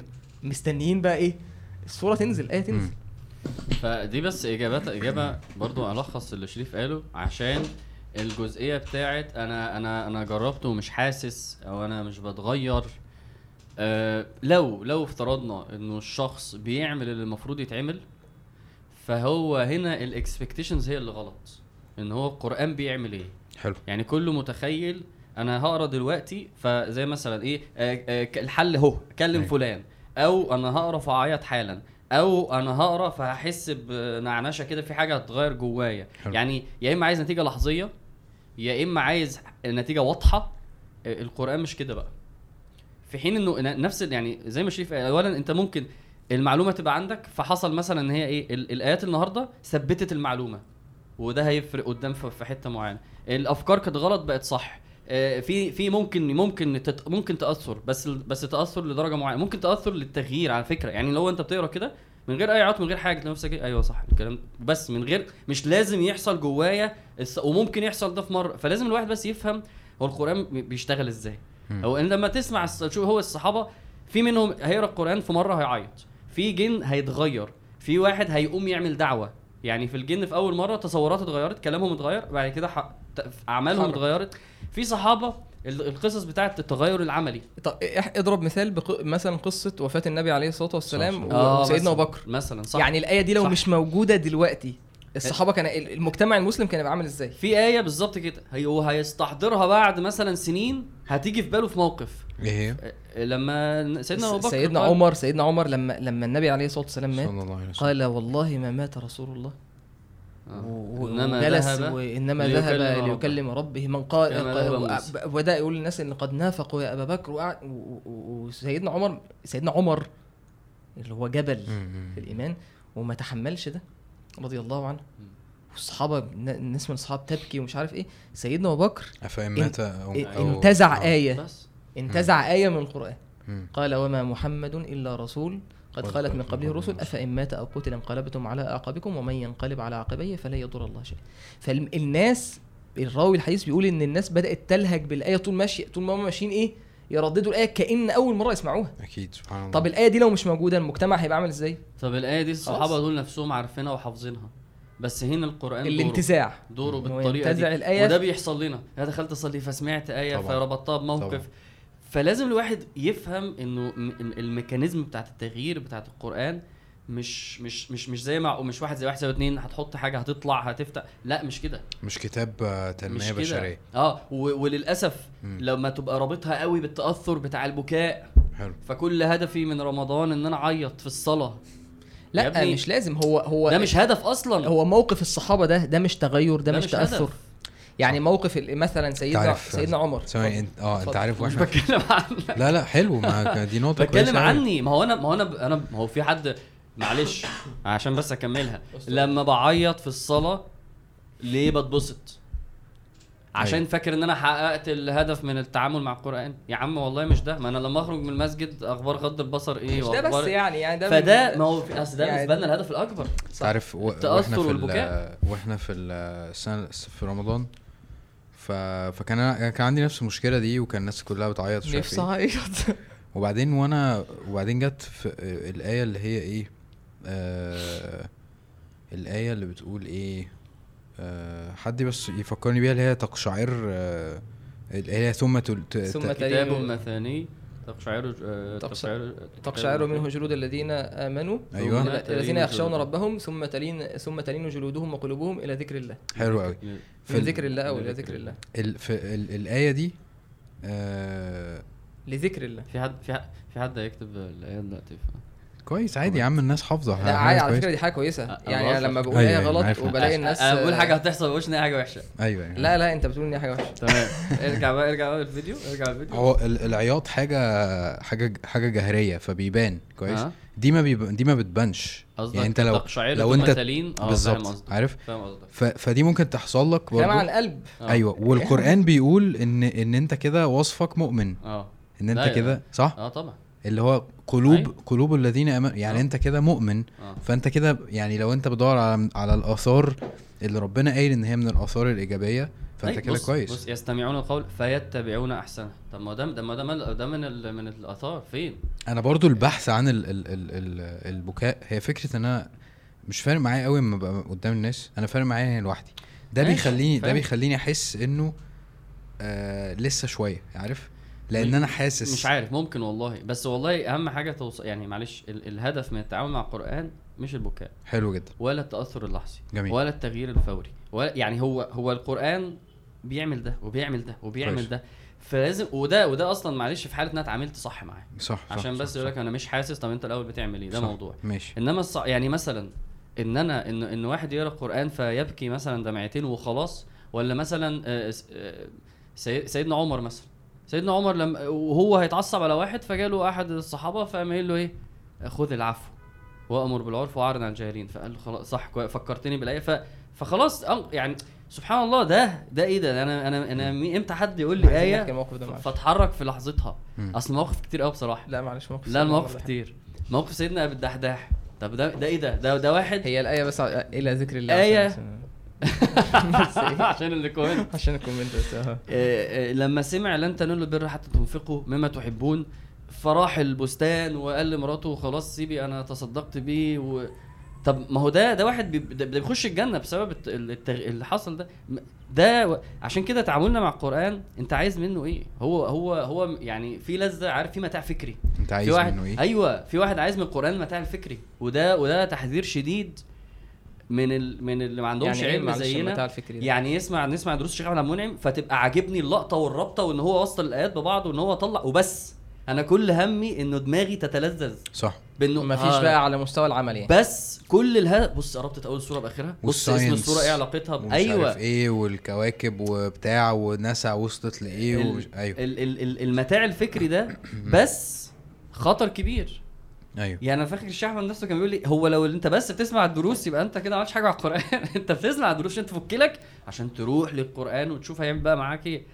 ففكرة التلذذ والتأثر بس البكاء يعني خطر. أنت رايح جاي عليه. يعني أنت وفكرة بتروح له آه. عشان ترجع له. يعني آه. انت بتروح له عشان تعرف ترجع له. أيوه. أوكي. أيوه. مم. فأنا فأنا يعني لازم نفهم مم. بس دي. وبعد كده نشوف طب نعملها إزاي. بس الأول يعني بعد ما وضحنا إيه هو القرآن؟ أو نقعد نسأل نفسنا إيه هو القرآن؟ ونشوف الناس اتع- اتعمل فيها إيه القرآن؟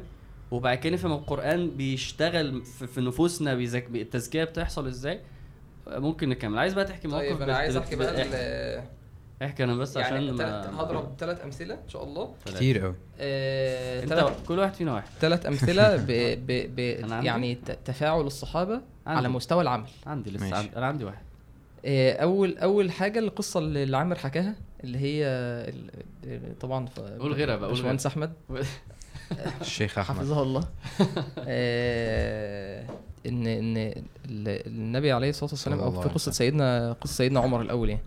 سيدنا عمر في ع- في عهد عمر رضي الله عنه جه آه، عيينة بن حصن ال- ال- م- من للحر بن قيس. الحر بن قيس اللي هو ابن أخوه يعني. فقال له قال يا ابن أخي لك وجه عند هذا الأمير فاستأذن لي عليه. قال له يعني إيه أنت دخلني على الإيه؟ كان الحر بن قيس فيه نوع شدة شوية يعني. آه، أو قصد أقصد يعني عيان بن حصن يعني استغفر الله. فالمهم فدخل على استأذن استأذن الحر سيدنا عمر لعيينة بن حصن فدخل عليه فقال هي ابن الخطاب. فوالله هي يعني كلمة تقال لل- لل- للزجر يعني. مم. فإنك تعطينا الجزل أو ما تعطينا الجزل ولا تحكم بالعدل ولا تحكم بيننا بالعدل. فسيدنا يعني تخيل واحد داخل يقول لسيدنا عمر انت انت بتمنع عنا الحقوق وبتظلمنا. سيدنا عمر يعني. فاهم؟ فغضب عمر وهم به.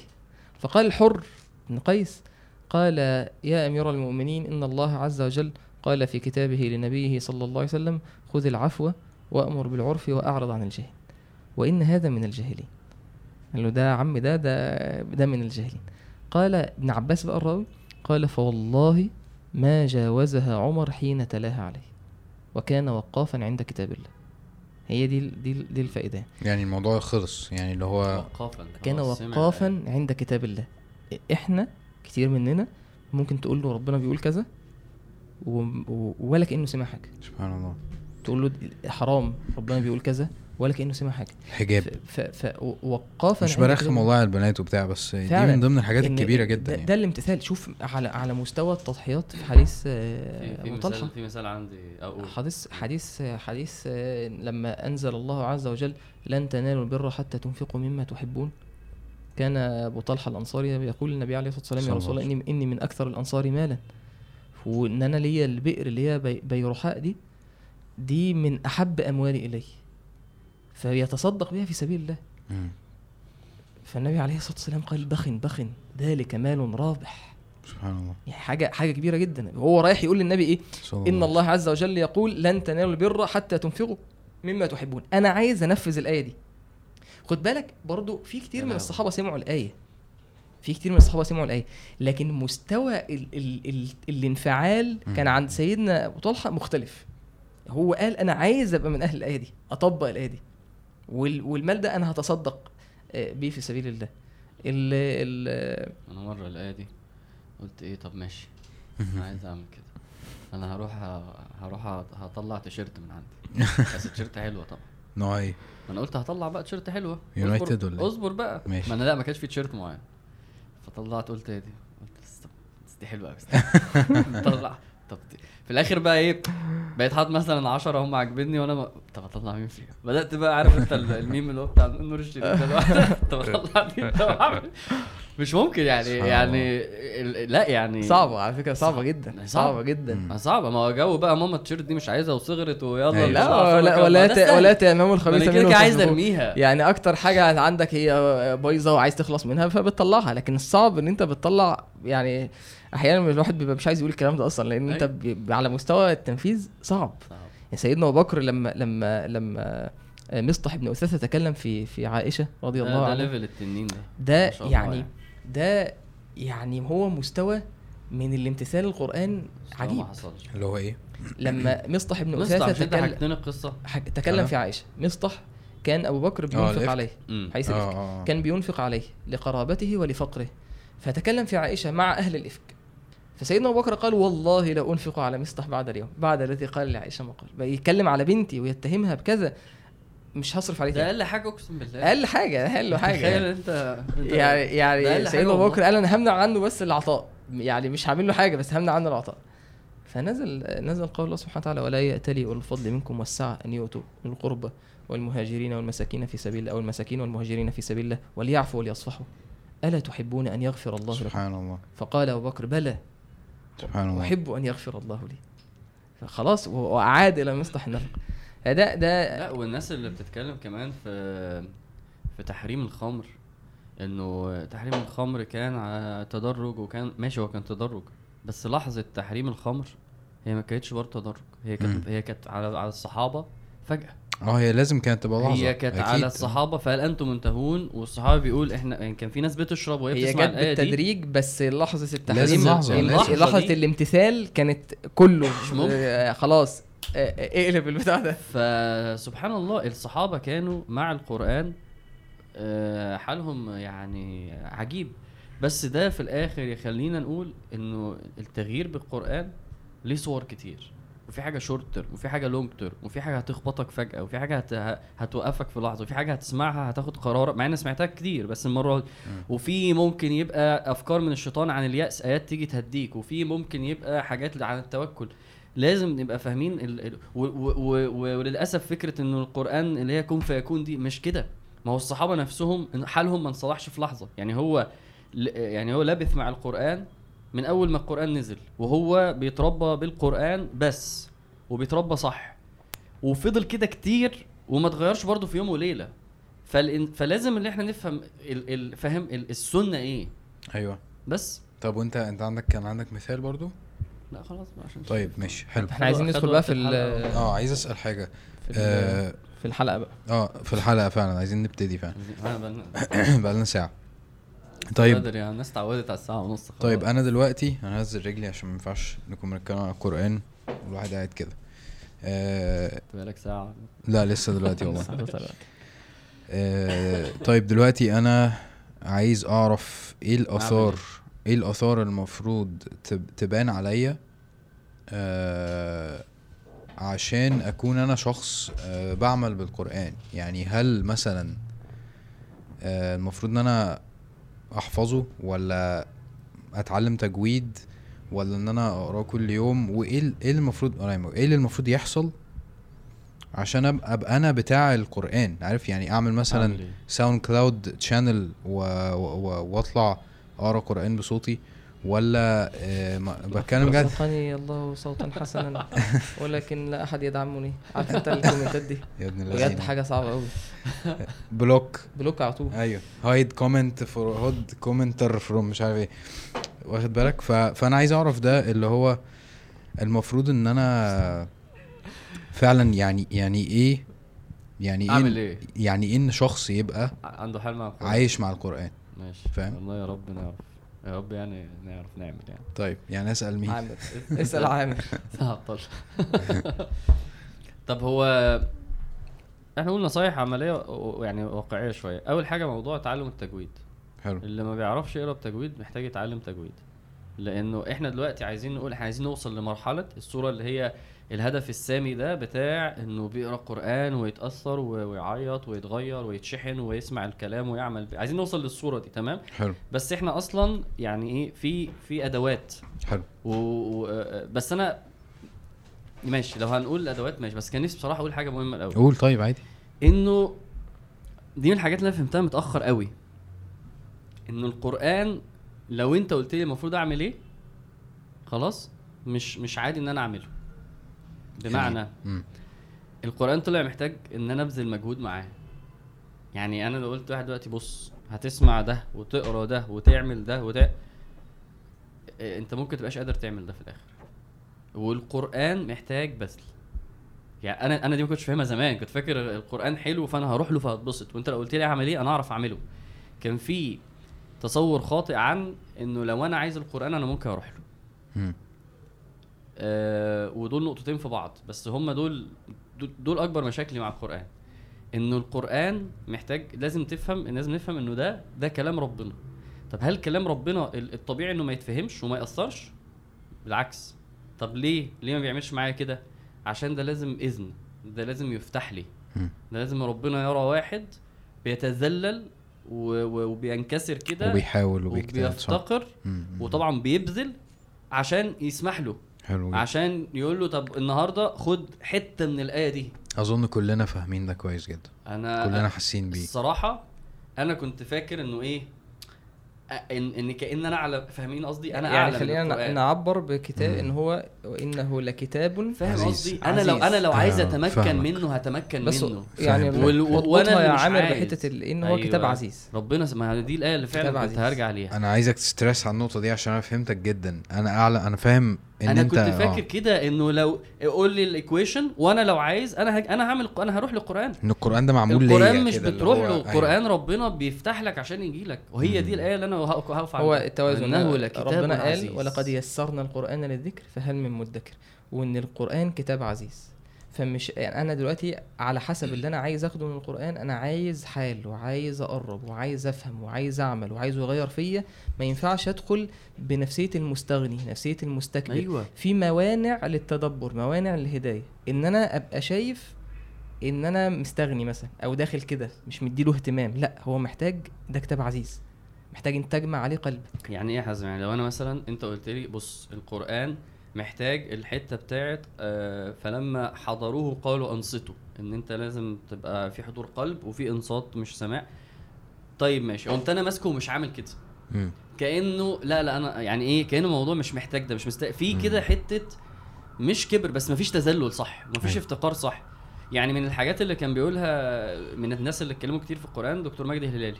فكان بيقول قبل ما تقرأ الورد قبل ما تقرأ تعمل إيه؟ اتوضى تدعي. لا يعني طبعا بيتكلم في شوية حاجات بس منها إيه تقول له يا رب أنا دلوقتي لو سمحت يعني إذن لي إن القرآن إن أنا أفهمه سبحان وان أنا. فاهم فال level ده level واحد في المفتاح مش معاك جميلة جدا حتى. فده مش مش بس جميلة أنا شايفها deal breaker. لو اتعاملت مع القران كده مع كلام ربنا كده ما كل ما تفصل إن هو أنت كل ما تتخيل ده كتاب حاجة ولما تتكلم ده كلام ربنا التعظيم للمتكلم دي عميقة جدا يا رب ممكن تف- خليني افهم الكلام اللي انت قلته. ده اللي أنا ده كان احد الموانع الشديدة عندي. ان آه، آه، في في في غيرها زي مثلا إن أنا أبقى داخل عشان أبحث عن الحق. أظن إحنا إن شاء الله في المرحلة دي. بس التذلل والافتقار ما كانش عندي. النقطة اللي بعديها فكرة فهم انه القرآن مح- محتاج شوط طويل الاستمرارية. يعني اللي هيزهق عشان أنا مثلا عملت ختمه وما حصلش حاجة ده مش فاهم حاجة. عشان مفيش أصلا end go end goal مفيش هدف نهائي من القرآن. ماشي صح بس حتى فكرة أنا عايز أشوف النتيجة إحنا بنستعجل عليها أكتر من اللازم. okay. و... و... وأبسط مثال بقول لك الصحابة هم يعني السيدة عائشة كانت بتقول انه إيه إحنا لما آه، الحجاب والخمر الكلام ده في المدينة. فبتقول لولا انه القرآن لو لو لو ما كانش بنى الإيمان ما كانش أصلا هنعرف ن... ن... ن... ن... نلتزم بالشرع ده. طب ده بعد 13 سنة من التربية. فإحنا بنستعجل جدا مع القرآن. فبنتركه وبنمل. كم مرة فتحت تفسير وما خلصتوش؟ وكم مرة فتحت سلسلة وما خلصتهاش؟ وكم مرة فتحت ختمة من الأمثال اللي شريف بيقولها دي؟ لزوم وإيه الكلام ده؟ اللي هي لزوم الكلام البايخ ده بقى. ما, هو ال... ال- طيب إيه الحل طيب؟ لا أصبر بس. لا لا لا. لا لا أصبر. الختمات بتاعت شريف دي اللي هي ختمة عن الآخرة وختمة عن ال- اضرب. ال- آه الأسماء والصفات وختمة عن. الخوف. ف الثلاث صفات دول قبل ما نقول الحاجات العملية أنا حاسسهم اتيتيود كان لازم يتغير. كان رحمه الله يبدأ في في الجزء المفصل ويقف عندها وكان وقاف. فإن أنا أبقى داخل بحث عن الحق إن أنا أبقى داخل بذل وافتقار وإن أنا أبقى عندي الاستمرارية. ورابع واحدة بقى البذل اللي أنا بدأت بيها وده كان البذل إنه القرآن هيحتاج مني أتعب. أنا برضو ما كنتش متخيل دي. أتعب دي يعني إيه طيب؟ يعني أنت مش قادر تقرأ اقعد استحمل. يعني دي. يعني أنا مش قادر أقوم أصلي بيه معلش قوم صلي بيه ب- ب- بقدر معين بس ساعات أنا إيه مش متخيل إن أنا لازم أتعب عشانه ما هو أنت فاهم زي, قصدي؟ زي أي حاجة في حياتك زي أي حاجة محتاجة كونسيستنسي متخيل لا كنت متخيل القرآن أبسط من كده هفتح التفسير أيوة. هتبسط أيوه أيوه, أيوة. طب لا فتحت تفسير أنا مش مش مبسوط فاهم أي ماشي حاجة. اتفضل اقرأ انت مش أيوة. بتقرأ عشان تتبسط طب تقرأ عشان تبني حال مع القرآن وفي مراحل من الحال مع القرآن. آه، مش هتبسطك ولازم وزي الحفظ هو عندي النهارده تسميع. ف... طب ماشي ما انت مش مبسوط انك هتروح تسمع. اقعد احفظ. الموضوع محتاج بذل وجهد. اللي عايز ينزع بقى الموضوع البذل والجهد ده ما ما ما ما أنا بتكلم على الحاجات اللي عطلتني أنا مع القرآن. هو ده منطقي جدا. الثلاث حاجات دول عطلوني تماما. لما حبيت اي في أي مرحلة حبيت أزود الاستمرارية. كل مرة خلص رمضان فاهم؟ السنة دي أنا عندي سنة كاملة فاهم؟ طب كل يوم آية طب كل يوم صفحة طب طب كل أسبوع ربع. مفيش استمرارية فاهم؟ تيجي للبذل أروح من هنا مثلا نعمل مش قادر أمسك النقطه أنا حاسس الايكويشن الثلاثية دي إيه؟ الافتقار والاستمرارية والبذل. هي هي المعطله والاستمرارية والبذل. والبذل. هو الحتة بتاعت الاستمرارية دي دي أزمة كبيرة جدا عندي في حياتي وأكيد عند ناس كتير فكرة ال consistency وكلنا عندنا حاجة في حياتنا آه، إحنا ضايقين فيها حوار إن إحنا استمرينا عليها ودقنا أو جر أو أو لمسنا الأثر بتاعها. سواء بتروح جيم سواء آه، ب- بتصلي إيه؟ ما رحتش الجيم ولا إيه؟ بس دافع الاشتراك والله ثلاث شهور. ما شاء الله. الزكاة ربنا الزكاة يبارك. الزكاة على صحتي هو بدفع الاشتراك هو ده الابتلاء أنا عمري ما عديت الجنرال يعني. ما شاء الله. بفضل في الجنرال ويعني عمري ما دخلت برنامج يعني. نفسي أعدي مرحلة الجنرال. عملت الماجستير في الجنرال خلاص. يعني يعني كلنا فعلا كلنا عارفين آه، ال- الاستمرارية بتعمل إيه. وكنت لسه سامع قريب هنعرف منين الاستمرارية بتعمل إيه يا ما هو أنت مثلا عارفينها. عارفينها بنشوف الناس بص، اللي بنشوف اللي عملوها أنت. مثلا في الجيم ما جربتش مثلا يعني آه. بس جربت في حاجات تانية مثلا يعني آه، لعب الكورة مثلا بتلعب كل أسبوع 16 مرة مثلا. عارف؟ ف... فأنت ضايق ده في ال... في الكورة ما شاء الله فاهم؟ بت... بتعرف تلعب كويس. لا وأنت شايف أثر ده. يعني أثر اللي قال لك. الاستمرارية. أنت شايف أثر إن هو في الآخر وصل قد إيه في ال- في القرآن وقرأ قد إيه وعمال يقول لك واقرا لده واقرا لده حاجات كلها عن القران وعدى مرحلة بقى تدبر الصور بقى بقى بقى, بقى يبحث بقى في اللغة نفسها وفي النحو وفي البلاغة و... ما هو خلاص عايز عايز فاهم؟ الطروف. فأكيد. أنا لسه سامع حاجة كده فرقت معايا جدا إنه ال- المجاهدة مم. مجاهدة النفس آه، هي إن أنت تعمل اللي عقلك بيقول بيقول لك عليه مش اللي قلبك بيقول لك عليه مم. مش اللي أنت حاسه تمام فأنت دلوقتي مش قادر تصلي فده قلبك بيقول لك أو أنت مش حاسس مم. بس أنت عارف إن أنت لو قمت النهارده هتكسر حتة زيادة هتساعدك بكرة أكتر هتساعدك بعد أسبوعين أكتر. عارف ف ف ف فالمنهج ده أو النهج ده في التعامل مع أي حاجة أصلا في الحياة وأنا بقول ده وأنا أصلا فكسان في الاستمرارية بس أنا بحاول أعمل ده دلوقتي مثلا في الفيديوهات على اليوتيوب. إن أنا بحاول حتى لو أنا مش قادر حتى لو أنا حاسس إن أنا فكسان حتى لو أنا مش عارف إيه هنزل فيديو كل آه كل أسبوع إن شاء الله. ماشي؟ فأنا متخيل إن ده في القرآن مفيش شك إنه آه إن إن هو ده ده الحل. كويس؟ كويس. آه أنا بس قلت الحاجات دي في الأول. آه. ع- عشان أنا أنا غلطت غلطة أعمل إيه هتقرأ تفسير ماشي. ماشي, ماشي. من غير ال- الفرشة دي من غير آه من غير ما كنت فاهم إني لازم أبذل فاهم من غير ما كنت فاهم إن أنا أنت داخل القرآن مت- متذلل ولا ولا ولا حاسس إن أنت مش يعني فاهم فأنا حاسس إن ممكن حد يسمع ده إن شاء الله يستفيد منه أما بقى يعني نعمل إيه. فأنا كنت فتحت موضوع التجويد بس لو عايز ت- ت- ت- تضيف حاجة قول. حلو. ماشي أنا ممكن أقول إن غير الثلاث حاجات اللي أنت قلتها في حاجة كمان إن في موانع عن الفهم والتدبر. قول. اللي هي منها منها ال- زي ما أنت قلت الكبر وال والإعراض ومنها الذنوب والمعاصي وده مفهوم. ماشي. يعني ربنا قال سأصرف عن آياتي الذين يتكبرون في الأرض بغير حق فالإنسان لما يد- يدخل بنفسية المتكبر المستكبر مش هيفهم وفي نفس الوقت آه قال تعالى أفلا يتدبرون القرآن أم على أم قلوب. على قلوب أقفالها مم.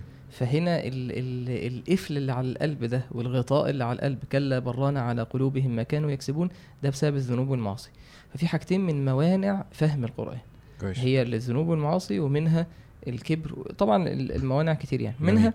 يعني دلوقتي إحنا عايزين نقول ال- يعني إيه ال- إيه الحاجات اللي المفروض الواحد ياخدها؟ معلش الذنوب والمعاصي مش مقصود بيها ان انت طالما بتعمل ما ت- ما ت- ما تدوسش في القرآن. بالعكس. لا بس اعرف انه أيوة. دي حاجة هتعطلك. وان, وإن دي حاجة هت هتقلل من الذنوب. يعني انت لو بتجاهد آه، نفسك آه، برضو وبت وبتقرأ. إحنا قلنا بقى القرآن هو الحل هو الشفاء للكلام ده. حلو. صح.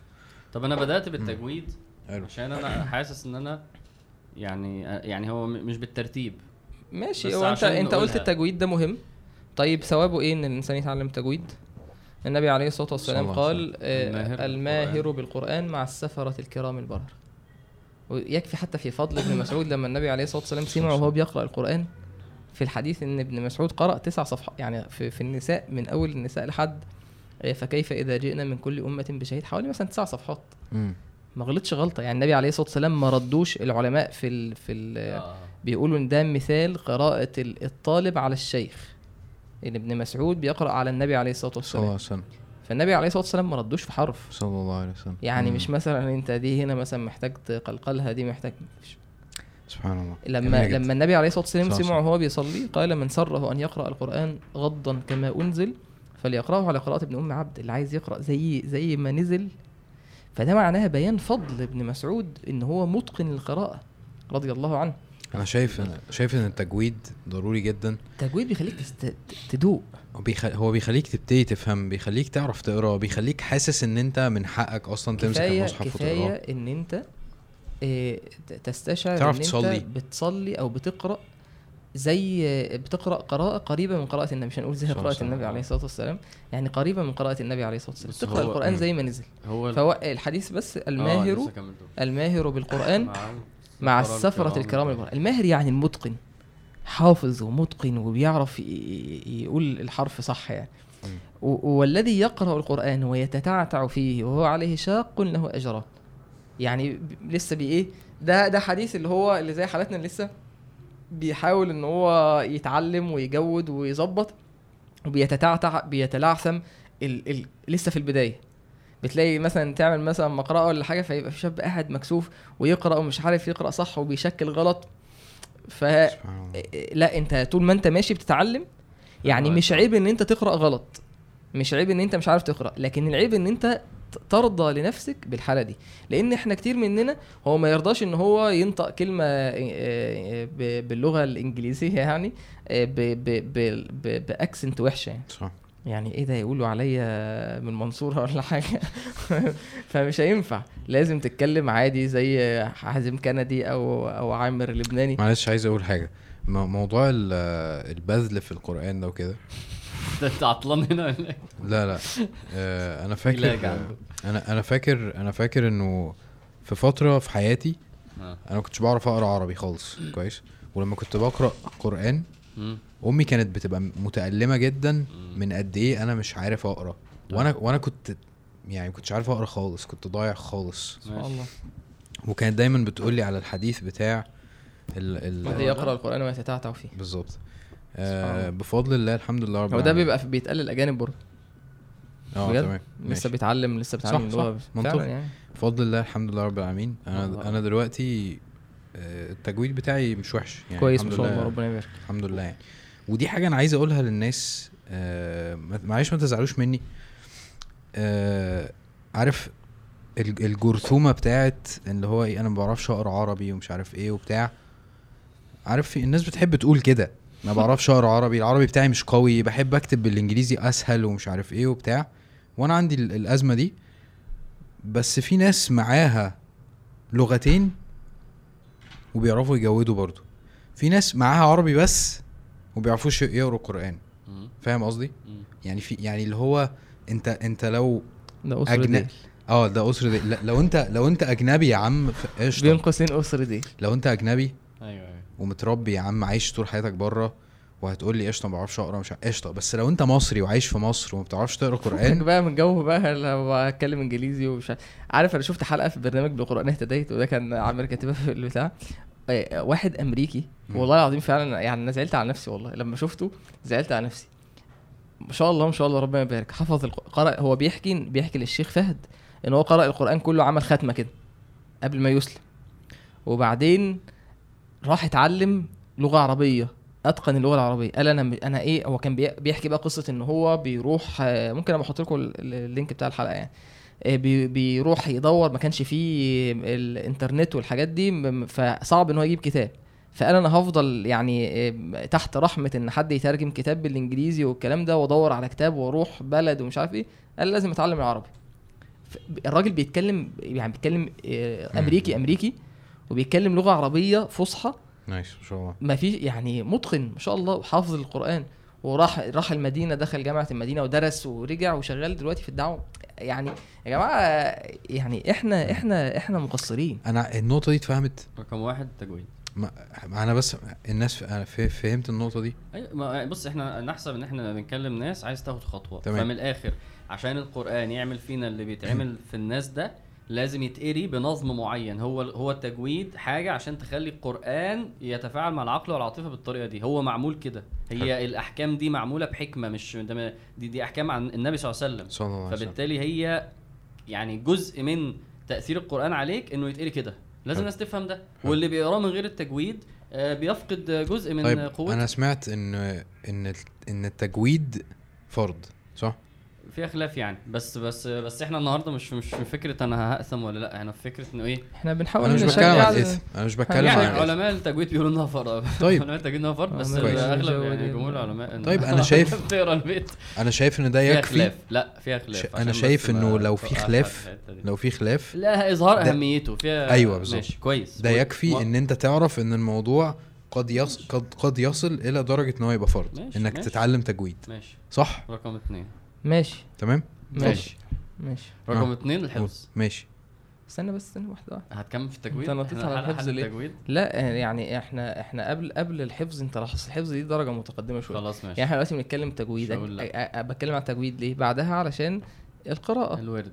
يكون عندي ورد. حاضر. ورد ورد يومي. يعني يعني إيه ورد يومي؟ يعني يوميا أنت بترد على القرآن ده. ماشي. الورد ده زي إيه؟ يرد الماء. يعني النبي عليه الصلاة والسلام قال صلى الله عليه إن. مثل ما بعثني الله به من الهدى والعلم كمثل غيث أصاب أرضا يعني الوحي قرآن زي الغيث كده ال- المطر اللي بينزل على الأرض. فكان منها طائفة طيبة قبلت الماء وأنبتت الكلأ والعشب الكثير. فأنت محتاج إن أنت يوميا تتلقى الوحي ده تسمعه. إيه تسمع وتقرأ. ورد. الورد ده أقل حاجة فيه أقل حاجة فيه إن أنت بتاخد عداد حسنات إيه، شغال على الحرف. تمام. يعني ده آه، تمام. ده- بالنسبة لي تمام. آه يعني ده أقل بس حاجة. بس أهم حاجة أنا ما بحسب أنا بقول آه. ما أنا مش هنقف عند ده. آه. يعني بقول إيه يعني أقل حاجة أقل حاجة حديث النبي عليه الصلاة والسلام مش أقل حاجة الحديث. يعني أقل حاجة في أنت هتاخد الدرجه أقل درجة الثواب. أنت بس تتوضى وتقعد وتمسك المصحف وتجمع قلبك عليه وتقرأ. والنبي عليه الصلاة والسلام قال من قرأ حرفا من كتاب الله فله به حسنة والحسنة بعشر أمثالها لا أقول ألف لام ميم حرف ولكن ألف حرف ولام حرف وميم حرف. وفكرة إن الحسنات برضو إن أنا آخد حسنات أحيانا بعض الناس بيبقى بيزهد في ال في ال في الطريقة دي وهو مش واخد باله. ماشي. يعني ممكن واحد إيه يفكر أيوه عادي إن أنا عايز آخد حسنات كتير. ما هو الحسنات دي هتتحط في كفة الحسنات صح. وممكن تكون سبب في دخول الجنة. ماشي. صح. فأنا عايز آخد حسنات مفيش مشكلة. ففكرة الحسنات ممكن تدفعني إن أنا عايز أقرأ كتير. أنا يا عم آه، عادي أنا ممكن أقرأ حاجات مش فاهمها. وعادي يا جماعة إن كان الصحابة كان في حاجات آيات معينة ما كانوش فاهمينها فكانوا بيروحوا يسألوا النبي عليه الصلاة والسلام. في آيات بيبقوا فاهمينها غلط حلو. تشكل عليهم فبيروحوا يسألوا النبي. ده كويس حصل مع السيدة عائشة وغي- وغيرها من الصحابة كتير. فعادي أنا قرأت مش فاهم آية. عادي خلاص. يبقى المهم خلينا في الخطوة الأولى إن أنا ليا ورد ثابت يوميا. طيب الورد ده قد إيه؟ في حاجة محددة؟ لأ. بس هقول لك على حاجة نصيحة. يعني حاول إن أنت مثلا تعملها بوقت. يعني هقرأ مثلا قرآن في اليوم 20 دقيقة مثلا. 25 دقيقة نص ساعة ربع ساعة 10 دقائق بس 10 دقايق دول أنا ما بعملش حاجة غير إن أنا إيه بقرأ قرآن. تقفل الموبايل تقفل ال- ال- ال- الواتساب تقفل النوتيفيكيشنز كلها. أنا قاعد بقرأ قرآن مركز متوضي وقاعد ماسك المصحف وبقرأ. إيه أو تحددها ب... ب... صفحات أو صفحات آه. أو بصورة أو بجزء معين 10 صفحات خمس صفحات صفحتين صفحة. المهم إن أنت يكون ليك ورد ثابت يومي ماشي؟ دي الحاجة التانية. ماشي. آم، ال ال آه، الدعاء مهم قبل الورد. دي هقولها تاني وتالت يعني. ال- آه، ال- القراية بهدف التدبر. والقراية بهدف إن أنا مش يعني ماشي okay أنا أنا أستحضر نية الثواب دي حاجة كويسة. ودي ممكن تقول لي طب زود أكتر عشان تاخد ثواب أكتر بس أنا مش بقرا عشان الثواب بس دي اهم حاجة بس نضبطها فأنا عشان أتغير. فأنا متفق معاك. فأنا دلوقتي لما أجي أقرأ أنا هدفي إن القرآن يعمل فيها حاجة. فأنا بحاول أقرأ الآيات بحاول أبذل مجهود في إن أنا أفهمها وبحاول أبذل مجهود في إن أنا آه، آه، أطلع بحاجة. ده لازم يحصل. يعني التدبر إن أشغل عقلي عشان أو طب الآية دي بت بت بتنصحني بإيه؟ والآية دي بت بتقول لي إيه؟ وإيه الفكرة ال ال طب وهنا الآية دي ك يعني لازم اللي بيقرأ يتفاعل. يتفاعل مع القراءة وده بيقول لك عشان تعمله اقرأ برتل يعني بصوت هادي وببطء بحيث إنه سرعة استيعاب عقلك للكلام تبقى مناسبة. ما أنت لو بتقرأ أسرع من إنه عقلك يفكر في الكلام ده غلط وإنك تردد الآية الآية دي حاسس إنه فيها معنى. طب قولها تاني وقولها تالت وقولها عاشر عادي جدا. عشان كده أنا مع بصراحة فكرة الوقت مش الكمية عشان ادي نفسك فرصة إن شاء الله تقعد ربع ساعة في صفحتين. لو انت حاسس آه خلصت صفحتين لا أنا حاسس إن أنا عايز أقراهم تاني. فتقراهم تاني. فمفيش مشاكل. من الحاجات الأخيرة اللي هو كتيب المعاني. أو في الابلكيشن بتاعت المعاني مش التفسير عشان دي أول مرحلة في فك الألفاظ اللي هي آه، الغريبة. أنا بالنسبة لي ده غريب القرآن. مرتبط بالورد. يعني أنا وأنا بقرأ كده فلقيت مثلا آه، آه، مثلا مخمصة. فمخمصة فعادي بدوس عليها بيطلع لي إن هي مثلا إيه جوع فخلاص ماشي. عرفت. إنما مش تفسير مش كتاب تفسير مش أنا قاعد بقى طب استنى بقى وأفتح و... لأ. كان-. لأن كان التدبر نصيحة صراحة- لازم يفضل جوه القرآن. باشمهندس آه، الشيخ عبد الله العجيري. كان كان في مرة كده هنا في في مصر كنا في جلسة كده يعني. فالشيخ قال قال صراحة نصح نصيحة حلوة يعني. بيقول إن هو عامل كتاب إيه، ع- يعني جايب عامل كراسة كده مخصوصة لإيه؟ لغريب الألفاظ القرآن بتاعته هو. يعني أنا مثلا إيه؟ الكلمة دي أنا مش فاهم معناها. فعادي ممكن أحيانا انت تبص على معناها وبعدين ترجع تاني تنساه. فكان كل كلمة مش عارف معناها في الختمة يدور على معناها مثلا يجيب كتاب من كتب غريب القرآن ويدور على معناها ويكتب معناها. فبقيت مجمع أنا في ألفاظ معينة في القرآن في الختمة بتاعتي أنا ما كنتش عارف معناها. ختمة في الثانية في الثالثه وأنا معايا غريب القرآن ده وابص فيه وأتفكر فيه أنا بقيت الألفاظ دي فكيت الألفاظ. ودي دي مرحلة مهمة جدا في الفهم والتدبر. فك الألفاظ الغريبة اللي أنا مش فاهمها زي ما عامر ضرب مثال. أيوه. ال- الدرجة اللي بعد كده إن أنا أجيب كتاب في التفسير آه، مبسط خالص. اللي هو عايز ب- عايز اللي- أكمل على حتة الورد ماشي. اتفضل. عشان أنا عايز أقول إنه يعني أنا رأيي إنه أعظم أوقات الورد اللي في بالليل في الصلاة. عشان اللي هيقدر يعمل ده يعمله. حلو. ولو هيعرف يعمله مش كل يوم منين أنت جبت إن ده أعظم وقت؟ من سورة المزمل. أعظم اوقات للورد ولا ال- ال- الانتفاع؟ عموما التفاعل مع التفاعل مع القرآن. القرآن. ماشي. لكن الورد يعني مش- مش- لا- لا السند ده. أنا قصدي أنا مش قصدي يشترط يعني إن هو في آخر ال أنا ما يعني لو أنت. لو, لو أنت الصبح بدري مثلا ده ده ده وقت أنت ذهنك بيبقى فيه قبل ما تنزل الشغل حاضر ارجع اقرأ. أرجع 20 ثانية ورا. أنا قلت أنا قلت أنا بس باخد وضع ال- ال- بتاع الأخ بتاع السند ده. أنا بقول إنه ربنا قال آه إيه؟ الايه إيه المزمل. أيوه. إلا قليلا نسمع وزد عليه. ماشي. إن ناشئة الليل هي أشد أشد وطئاً. وأقوى مقيلا. الله. الصلاة بتاع اللي هتنشأ بالليل القرآن اللي هيتلى فيها الصلاة اللي هتنتج عن القرآن هيبقى أشد وطئا. النفس هت هتتربى وهتتزكى. أشد اللسان. مع السمع مع القلب آه واقوى مقيله الكلام اللي هيتقري في القرآن مستقيم يخش في القلب على طول حلو. وده وده وده يعني يعني حلو موضوع ال- ال- ال- برضو في إن أنت ربطت القرآن بالصلاة إن أنت ينفع وردك يبقى في صلاة دي حاجة برضو فيها آه طبعا حاجة عملية يعني. آه. وده من ال- من أحد التفاسير اللي هي الصلاة تنهى عن الفحشاء والمنكر ولا ذكر الله أكبر يعني ذكر الله اللي هو القرآن في الصلاة آه، ينهى عن الفحشاء والمنكر بشكل أكبر مم. فبالتالي ال- أنا بقول ده عشان اللي هيقدر يصلي يومين ثلاثة في الأسبوع ده هيبقى خير وبركة. يعني اللي اللي هي هي- هيجي بالليل والناس نايمة وهو هدي والدنيا هديت و...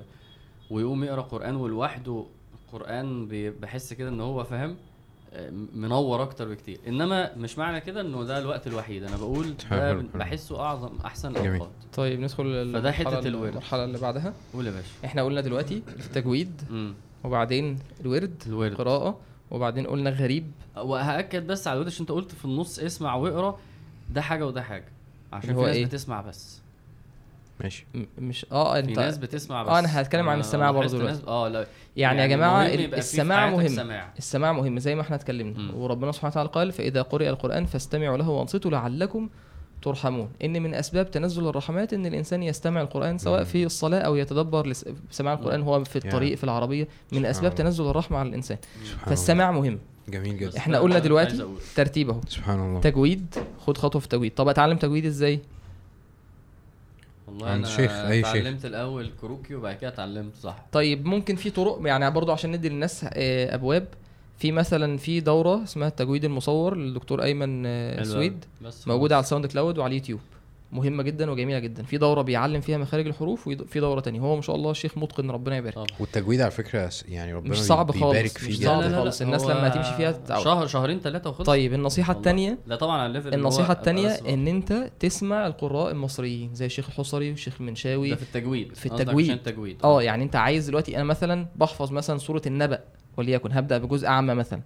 فعايز أقرأ صح. اسمع شيخ الحصري مثلا كتير المعلم أو المصحف المرتل ايا كان. المهم إن أنت الشيخ الحصري ما شاء الله مسطرة ربنا يرحمه يعني. يعني تخرج بمخارج حروف صح وقراءة صح. فيبقى أنا هسمع دورة في التجويد ده للشخص اللي مش لاقي. طيب لقيت شيخ متقن قريب ده- ده مني لازم. أو ده دار أحسن بكتير. روح للشيخ وتعلم تحت ايده ده مهم. يبقى أنا بسمع وبردد مع ال- اللي أنا بسمعه يبقى ده واجب عملي وأتفرج على دورة في التجويد آه، أجيب مثلا كتاب في التجويد آه، أحفظ متن معين أروح لشيخ يبقى دي سهل إن هو الإنسان يتعلم. تجويد يبقى المرحلة قلنا الثانية التجويد قلنا الورد الورد. قلنا السماع الورد غريب القرآن.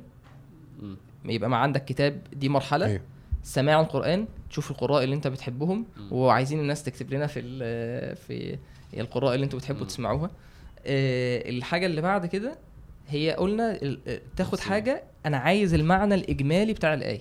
يعني أنا مش عايز في المرحلة دي اللي أنا بتكلم لسه واحد بيطلع أهو. مش عايز في المرحلة اللي أنا أدخل آه، في خلافات المفسرين وأدخل في قصص الإسرائيليات وال- والأسانيد والأحاديث و... لا.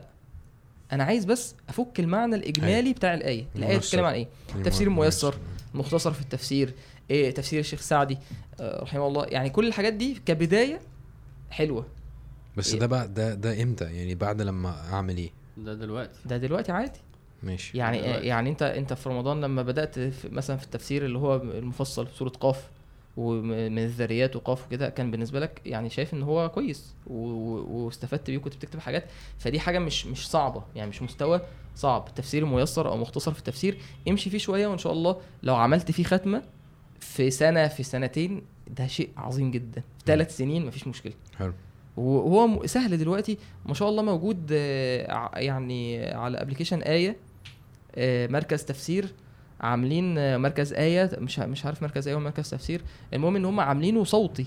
يعني حتى على ال application دلوقتي ممكن إن أنت تختار السورة والمختصر الصوتي بي بيقرأ الآية وبعدين بيقرأ التفسير كمان.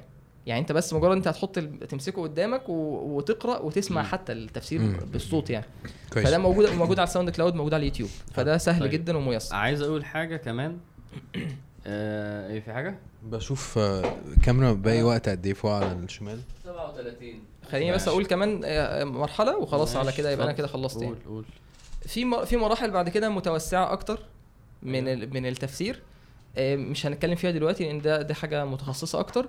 لكن أنا أنصحك بكتب معينة آه، تقرأ يعني أربع كتب أنصحك بيها. أول كتاب كتاب آه، الطريق إلى القرآن وكتاب رقائق القرآن آه، الكتابين لدكتور آه، إبراهيم السكران.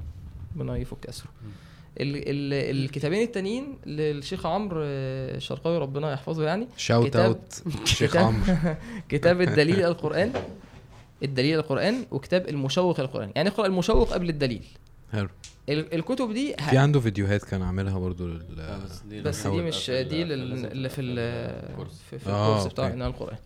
آه، دي آه، الكتاب ده جميل جدا جدا جدا وهيرد لك فيه أسئلة الحاجات اللي هي القرآن اتجمع إزاي والحاجة والأسانيد بتاعه ال... وطب الإسرائيليات طب القراءات طب الأسئلة اللي بتدور في ذهنك حوالين القرآن هتلاقي في الكتاب ده ما شاء الله كل الأسئلة أو في الغالب الأسئلة اللي تيجي في ذهنك متجاوبة بشكل بسيط جميل. برضه وميسر. وفي الآخر هو حاطط لك برضه آه، مراحل عملية في التدرج لفهم القرآن. بس أنا ماشي. كده خلصت. طيب هقول لك أنا كنت عايز أضيف إيه. لو أنا افترضت دلوقتي إنه في واحد آه، بذل مع نفسه مثلا من هنا لرمضان وتعلم تجويد و... و... و- وبدأ في كتاب تفسير وإن شاء الله يخلصه في رمضان ويشد حيله ايا كان وهو دلوقتي بقى يوميا بيقرأ أو بيصلي. ال... ال... ال... اللي انت قلته بتاع الأربع كتب دول ده بداية. بس الأصل إنه يبقى فيه دايما استزادة من التقرب من القرآن. وده على مستويين. إن أنا مثلا بسمع مثلا مثلا آه، نعمان علي خان سورة كذا آه، الشيخ أحمد المنعم سورة كذا آه، كتاب كذا عن سورة كذا. إن أنا بسمع عن القرآن والصور وخواطر و... و... فاهمين قصدي؟ عيش مع صورة و- مثلا أو ودروس عموماً يعني. مثلا الشيخ حسن شومان تفسير سورة كذا تدبر سورة كذا. أو إن أنا أبقى بسمع عن القرآن نفسه اللي هو زي اللي إحنا بنعمله في البودكاست ده. اللي هو مثلا دروس الشيخ أحمد بتاعه آه، آه، آه، كيف مثلا تتعامل مع القرآن. إزاي القرآن بيتفاعل في القلوب. أو كتب مثلا الشيخ إبراهيم اللي أنت قلتها. هو هي حاجات بتفهمك إيه هو القرآن وبيشتغل إزاي وأعمل معاه إيه. فالمنظومة دي لازم تبقى مستمرة أصلا. شغال صح. لازم تبقى مستمرة. إن أنا كان في درس حلو قوي عن عندي مثلا مشروع. مثلا الشيخ الوجيري اللي هو اللي هو اللي هو بتاع ال- الأسئلة ده. انك خش القرآن بأسئلة. بس هو بيعلمك كونسبت انك لما تتدبر اسأل. فلما تخش تسأل تلاقي إجابة. فده درس فادك في طريقة التعامل مع القرآن. صح. درس فادك في زيادة الإيمان بالقرآن. درس فادك في في في, في فهم حاجة جديدة عن القرآن. وكلها حاجات عملية وإيمانية. الناحية تانية آه خواطر عن سورة يوسف. فاهم؟ آه مثلا إيه آه خو... الشيخ أحمد عنده خطب كتير. وتبقى تلت ساعة مثلا عن سورة الزخرف الفكرة أنا- الأساسية. بس كده حياتي كلها هتبقى قرآن. بس خلاص شكرا. ماشي. يا سلام. أيوه شكرا. آه والله. شكرا. برافو عليك. شكرا يعني هو البودكاست وده بس.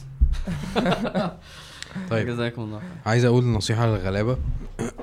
آه، اللي أنا منهم يعني. أنا دلوقتي عندي آه،. عندي. آه ده الجديد ده. ما قلتش نكتة النهارده عشان آه ده في حد قال كل مرة لازم. تقول نكتة. لا ما طيب ما ماشي. نفسك. ما, ما يطلبه المستمعون. هيقولها بمزاجه. المره الجايه هي النكتة دي أنت جايبها من أبو فيلا؟ لا بس شفت شوف ممكن أفتح لي حاجات كده الاقيها أنت جايب النكته اللي فاتت دي من أبو فيلا. لا والله. ماشي. بس أبو فيلا جامد.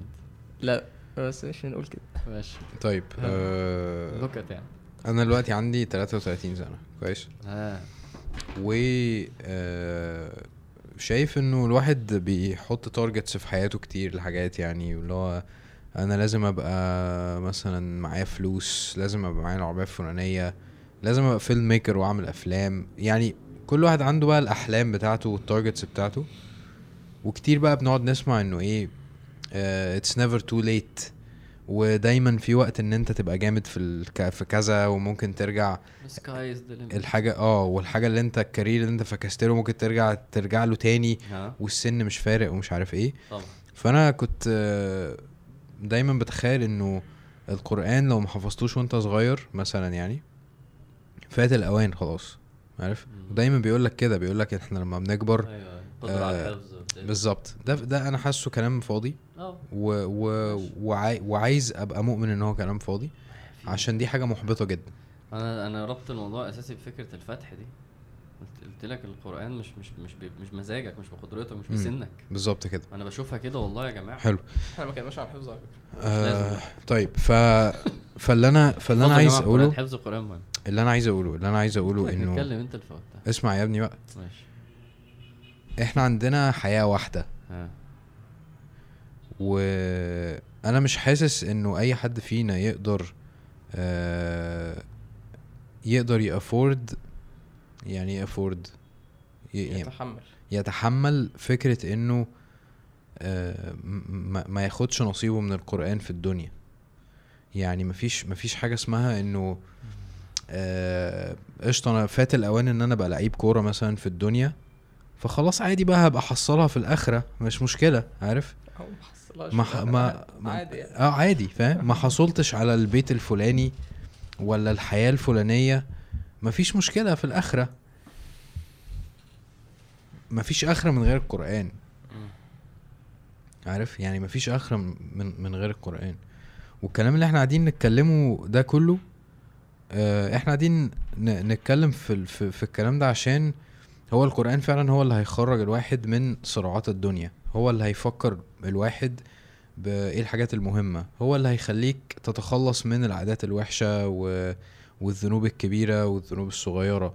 هو اللي هيفكرك بالصح. هو اللي هيخليك تحب آه الناس المتدينة آه اللي انت تقدر تبقى صحاب معاهم عشان تبقى أحسن.